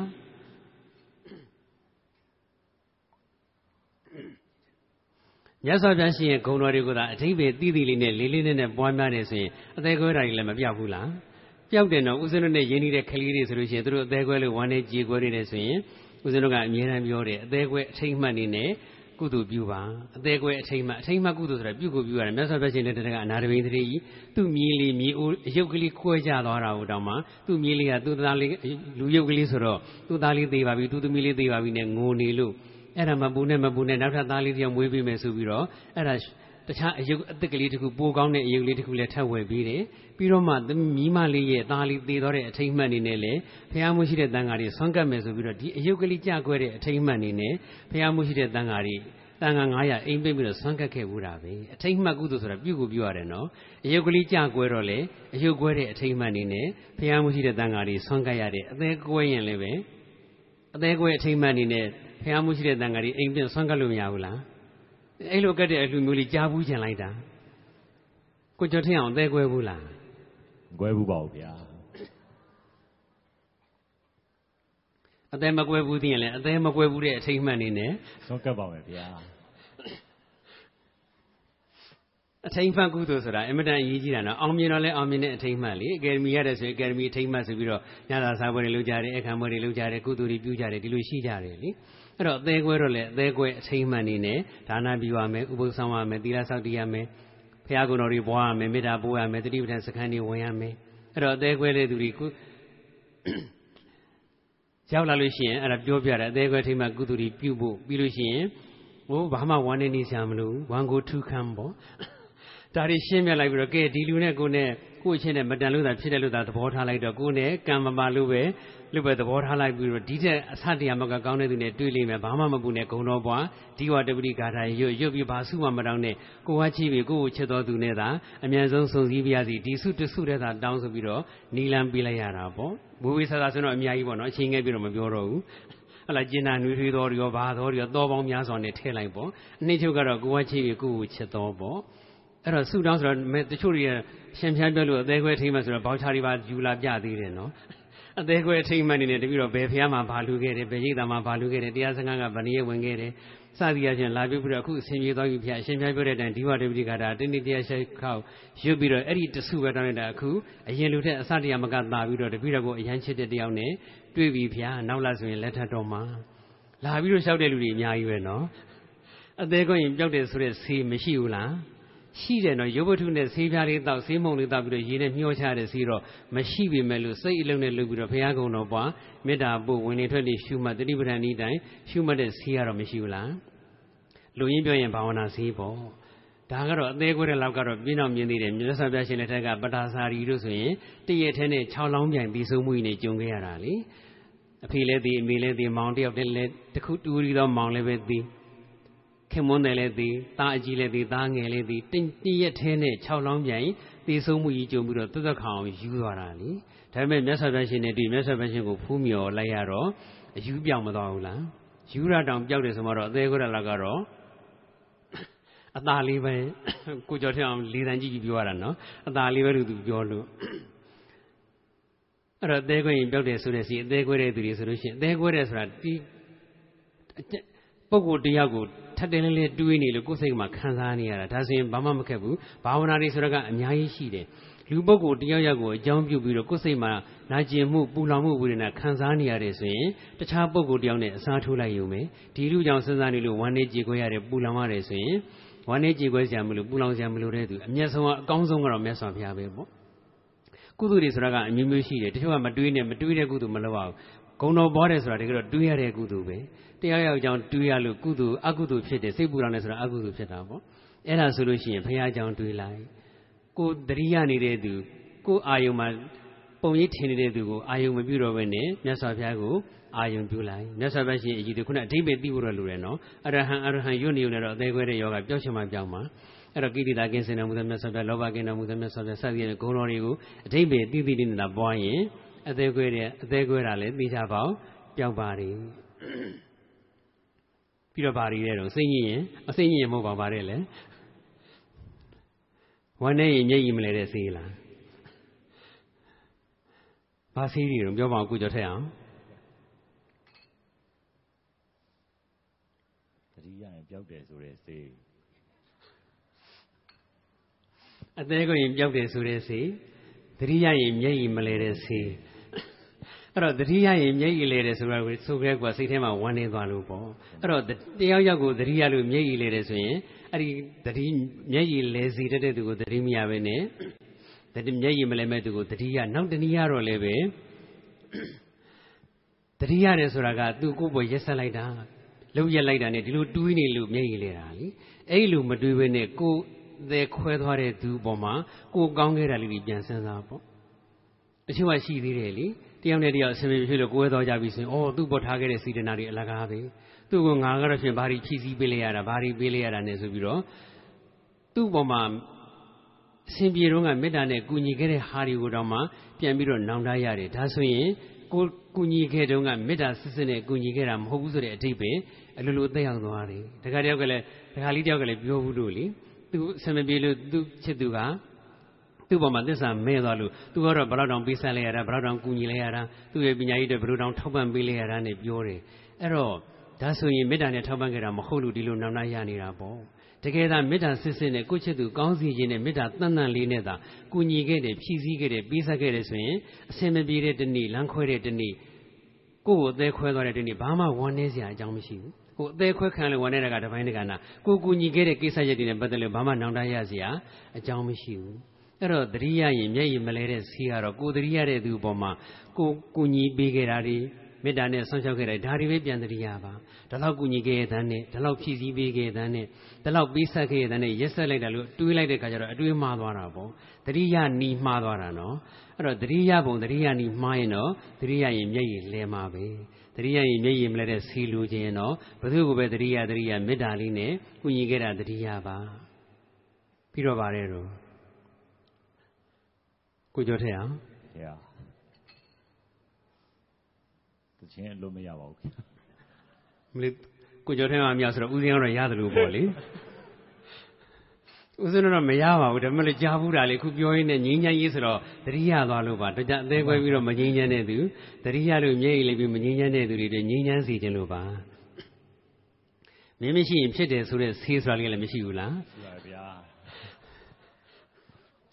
အဲ့တော့မင်းမရှိရင်ဖြစ်တဲ့ဆေးတဲ့ဆေးရလည်းပဲဦးဇင်းတို့စာတင်သားဘွားကလေးကပြောနေကြရှိတယ်ကိုယ်စီလာတဲ့သူတွေကိုကိုယ်စီလာတဲ့တရားဓမ္မဆိုအနည်းဆုံး15မိနစ်တော့ဝင်လေထွက်လေမှတ်ခိုင်းတယ်ပြောနေကြစကလုံးကတော့နှာခေါင်းရှိရင်အလုံးဖြစ်တယ်ကိုယ်မှနှာခေါင်းရှိနေလို့ရှိရင်နာသီးဝါမှာလေဝင်လေထွက်လေရှိတယ်လေလေးတိုးသွားထိသွားတယ်တိုးတာထိတာလေးသိနေတယ်ဆိုရင်စိတ်ကလေးကအင်မတန်အေးချမ်းပါတယ်လေလေးတိုးတိုင်းထိတယ်ထိတိုင်းသိ ဝင်သွားလို့ရှိရင်လည်းထိသွားတယ်ထွက်သွားလို့ရှိရင်လည်းထိသွားတယ်ဟိုထိတဲ့သဘောလေးတိုးတဲ့သဘောလေးမသိဘဲနဲ့ဝင်နေထွက်တယ်ဝင်နေထွက်တယ်နဲ့စကလုံးသက်သက်ဆူနေတော့ဟိုကြောင်းတူဒီကြောင်းတူနဲ့စိတ်တွေပူလောင်နေမှာပဲနော်အဲ့တော့တခြားစိတ်ဝိဓိမရှိလဲအရေးမကြီးဘူးတခြားကုသပြုစရာသင်္ကန်းစားတဲ့ဝိထုတွေမရှိလဲဘာမှအရေးမကြီးကိုယ်စိတ်သာတကယ်အေးချမ်းခြင်းနဲ့ဆိုရင်ကိုယ်မှနှာခေါင်းတော့အများရန်မရှိဘူးလားနှာခေါင်းရှိနေသေးရင်ဝင်လေထွက်လေလည်းရှိမယ်ဝင်လေထွက်လေ ရှုမှတ်တာကိုပဲအာနာပါနကမ္မထံလို့ပြောတာပေါ့ဖရာတိုင်းဖရာတိုင်းတော့ဒီနေ့ထိပွင့်တော်မူခဲ့ပြီးသည်မြအသင်ချေအနန္တမရည်မတက်နိုင်တဲ့ဖရာတွေအားလုံးဟာနာသီဝါဒီတတိကဝင်လေထွက်လေကမ္မထံကိုရှုမှတ်ပွားများပြီးတော့ပဲဖရာဖြစ်ကြတယ်အာနာပါနတစ်ခုတည်းတော့မဟုတ်အာနာပါနကိုခြေခံပြီးတော့မှကျန်တဲ့ထင်ရှားရဲ့ယုံနာခန္ဓာတွေဆက်ရှုတာတော့ပါတာပေါ့ဒါပေမဲ့အာနာပါနကိုပဲပင်တိုင်းကမ္မထံရှုရင်းကနေမှဖရာဖြစ်ကြတာနောက်ပွင့်မဲ့ဥစဉ်တို့ရဲ့အခုလက်ရှိဒါ မယိုတိမလေးစားလို့သုံးနှုံးတာတော့မဟုတ်ဘူးပေါ့နော်ဦးဇင်းတို့ရဲ့လက်ရှိဂေါရမမြတ်စွာဘုရားလေးပဲအာနာပါနကမ္မထံဝင်လေထွက်လေကမ္မထံပင်နိုင်ထားအထုတ်ပြီးတော့ဖျားဖြစ်လာခဲ့တာပဲနောက်ပွင့်မဲ့အရိမတိယမြတ်စွာဘုရားရှင်လေးပဲအာနာပါနဝင်လေထွက်လေပင်နိုင်ကမ္မထံထားရှုပြီးတော့ဖျားဖြစ်မှာပဲနောက်ပွင့်တော်မူကြအောင်မဲ့မရင်မတွက်နိုင်လောက်အောင်များများလှစွာသောအသင်ချီအနန္တဖျားတွေအားလုံးလေးပဲဝင်လေထွက်လေကမ္မထံရှုပြီးတော့ပဲဖျားဖြစ်ကြမှာပဲကုကြောထဲအောင်သာဖျားစုပန်လို့တစ်ချိန်ချိန်မှာဖျားဖြစ်မယ်ဆိုရင်လည်းဘာနဲ့ပဲဖျားဖြစ်မှာတော့ ဝင်လေထွက်လေရှုပြီးရဖေဟာဖေမှာပါဗျာဝင်လေထွက်လေကိုပင်တိုင်းကမ္မထန်ရှုပြီးဖြစ်မှာဝင်လေထွက်လေတက်တက်တော့မဟုတ်ဘူးနော်တင်ပါဘူးဝင်လေထွက်လေကမ္မထန်ရှုလို့ဇန်ဒီအဘိညာဉ်နေအဘိညာဉ်နေရမယ်အဲ့ဒီကနေမှယုံနံနေထင်ရှားရယုံနံနေဝိပဿနာဆက်ရှုရမှာပေါ့အဲ့တော့ဝင်လေထွက်လေဆိုတာလဲနှာခေါင်းမှာပဲဖြစ်တာဆိုတော့နှာခေါင်းရှိရင်အလုပ်ဖြစ်တယ်ဆိုတဲ့ဆောင်းမိုးလေးကြက်ထားဖို့မလိုဘူးလားလိုပါတယ်ဗျာကိုယ်မှနှာခေါင်းရှိနေမှာတော့မင်းမရှိလည်းမဖြစ်ဘူးလား ကိုကြက်ထံဘာတွေးပြီးရှိတာလဲ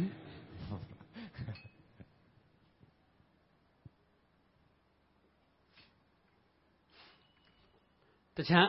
အလုပ်တစ်ခုခုလုပ်ချင်ရင်တော့လေကိုယ်နှာခေါင်းရှုနေအလုပ်ဖြစ်ချင်မှဖြစ်ဦးမှာပေါ့ဒါပေမဲ့လို့ဝင်လေထွက်လေကမ္မဋ္ဌာန်းရှုမယ်ဆိုတော့ကိုကိုကိုတယောက်တည်းရှိုံနဲ့ကိုယ်မှနှာခေါင်းရှုနေအလုပ်မဖြစ်ဘူးလားဖြစ်ပါတယ်ဗျာဖြစ်ပါတယ်နှာခေါင်းရှိရင်အလုပ်ဖြစ်တယ်ဆိုတော့မင်းမရှိရင်ဖြစ်တယ်ဆိုတဲ့ဆေးဆိုလို့မင်းမရှိလည်းဖြစ်ပါတယ်နှာခေါင်းရှိရင်ဖြစ်တယ် ကိုယ်စိတ်ကလေးရှိနေဆိုရင်ကိုယ်ပဲမဖြစ်ဘူးလားဖြစ်ပါတယ်ဖြစ်ပါတယ်ဝင်လေထွက်လေမှမဟုတ်ပါဘူးဂုဏ်တော်ဂုဏ်တော်ပွားတာလည်းဘေးနာရုပ်ပွားတော်ရှိမှမဟုတ်ပါဘူးဇီရီရှိမှမဟုတ်ပါဘူး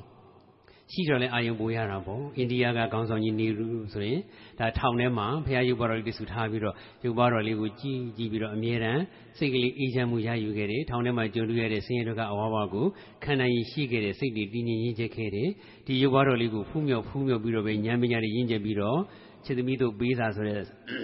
အင်ပဒမရှိလျက်ထွေပါတဲ့စာရီရေးသားနိုင်ခဲ့တယ်သမိုင်းဝင်စာရီရေးသားနိုင်ခဲ့တယ်စာရီအများကြီးရေးနိုင်ခဲ့တယ်ပေါ့ဉာဏ်ပညာတွေပါထက်မြက်သွားတာနော်အဲ့တော့မင်းမရှိရင်ဖြစ်တယ်ဆိုတဲ့စီလေကိုရောထက်အောင်ရပြီလားဘာစီလေးတို့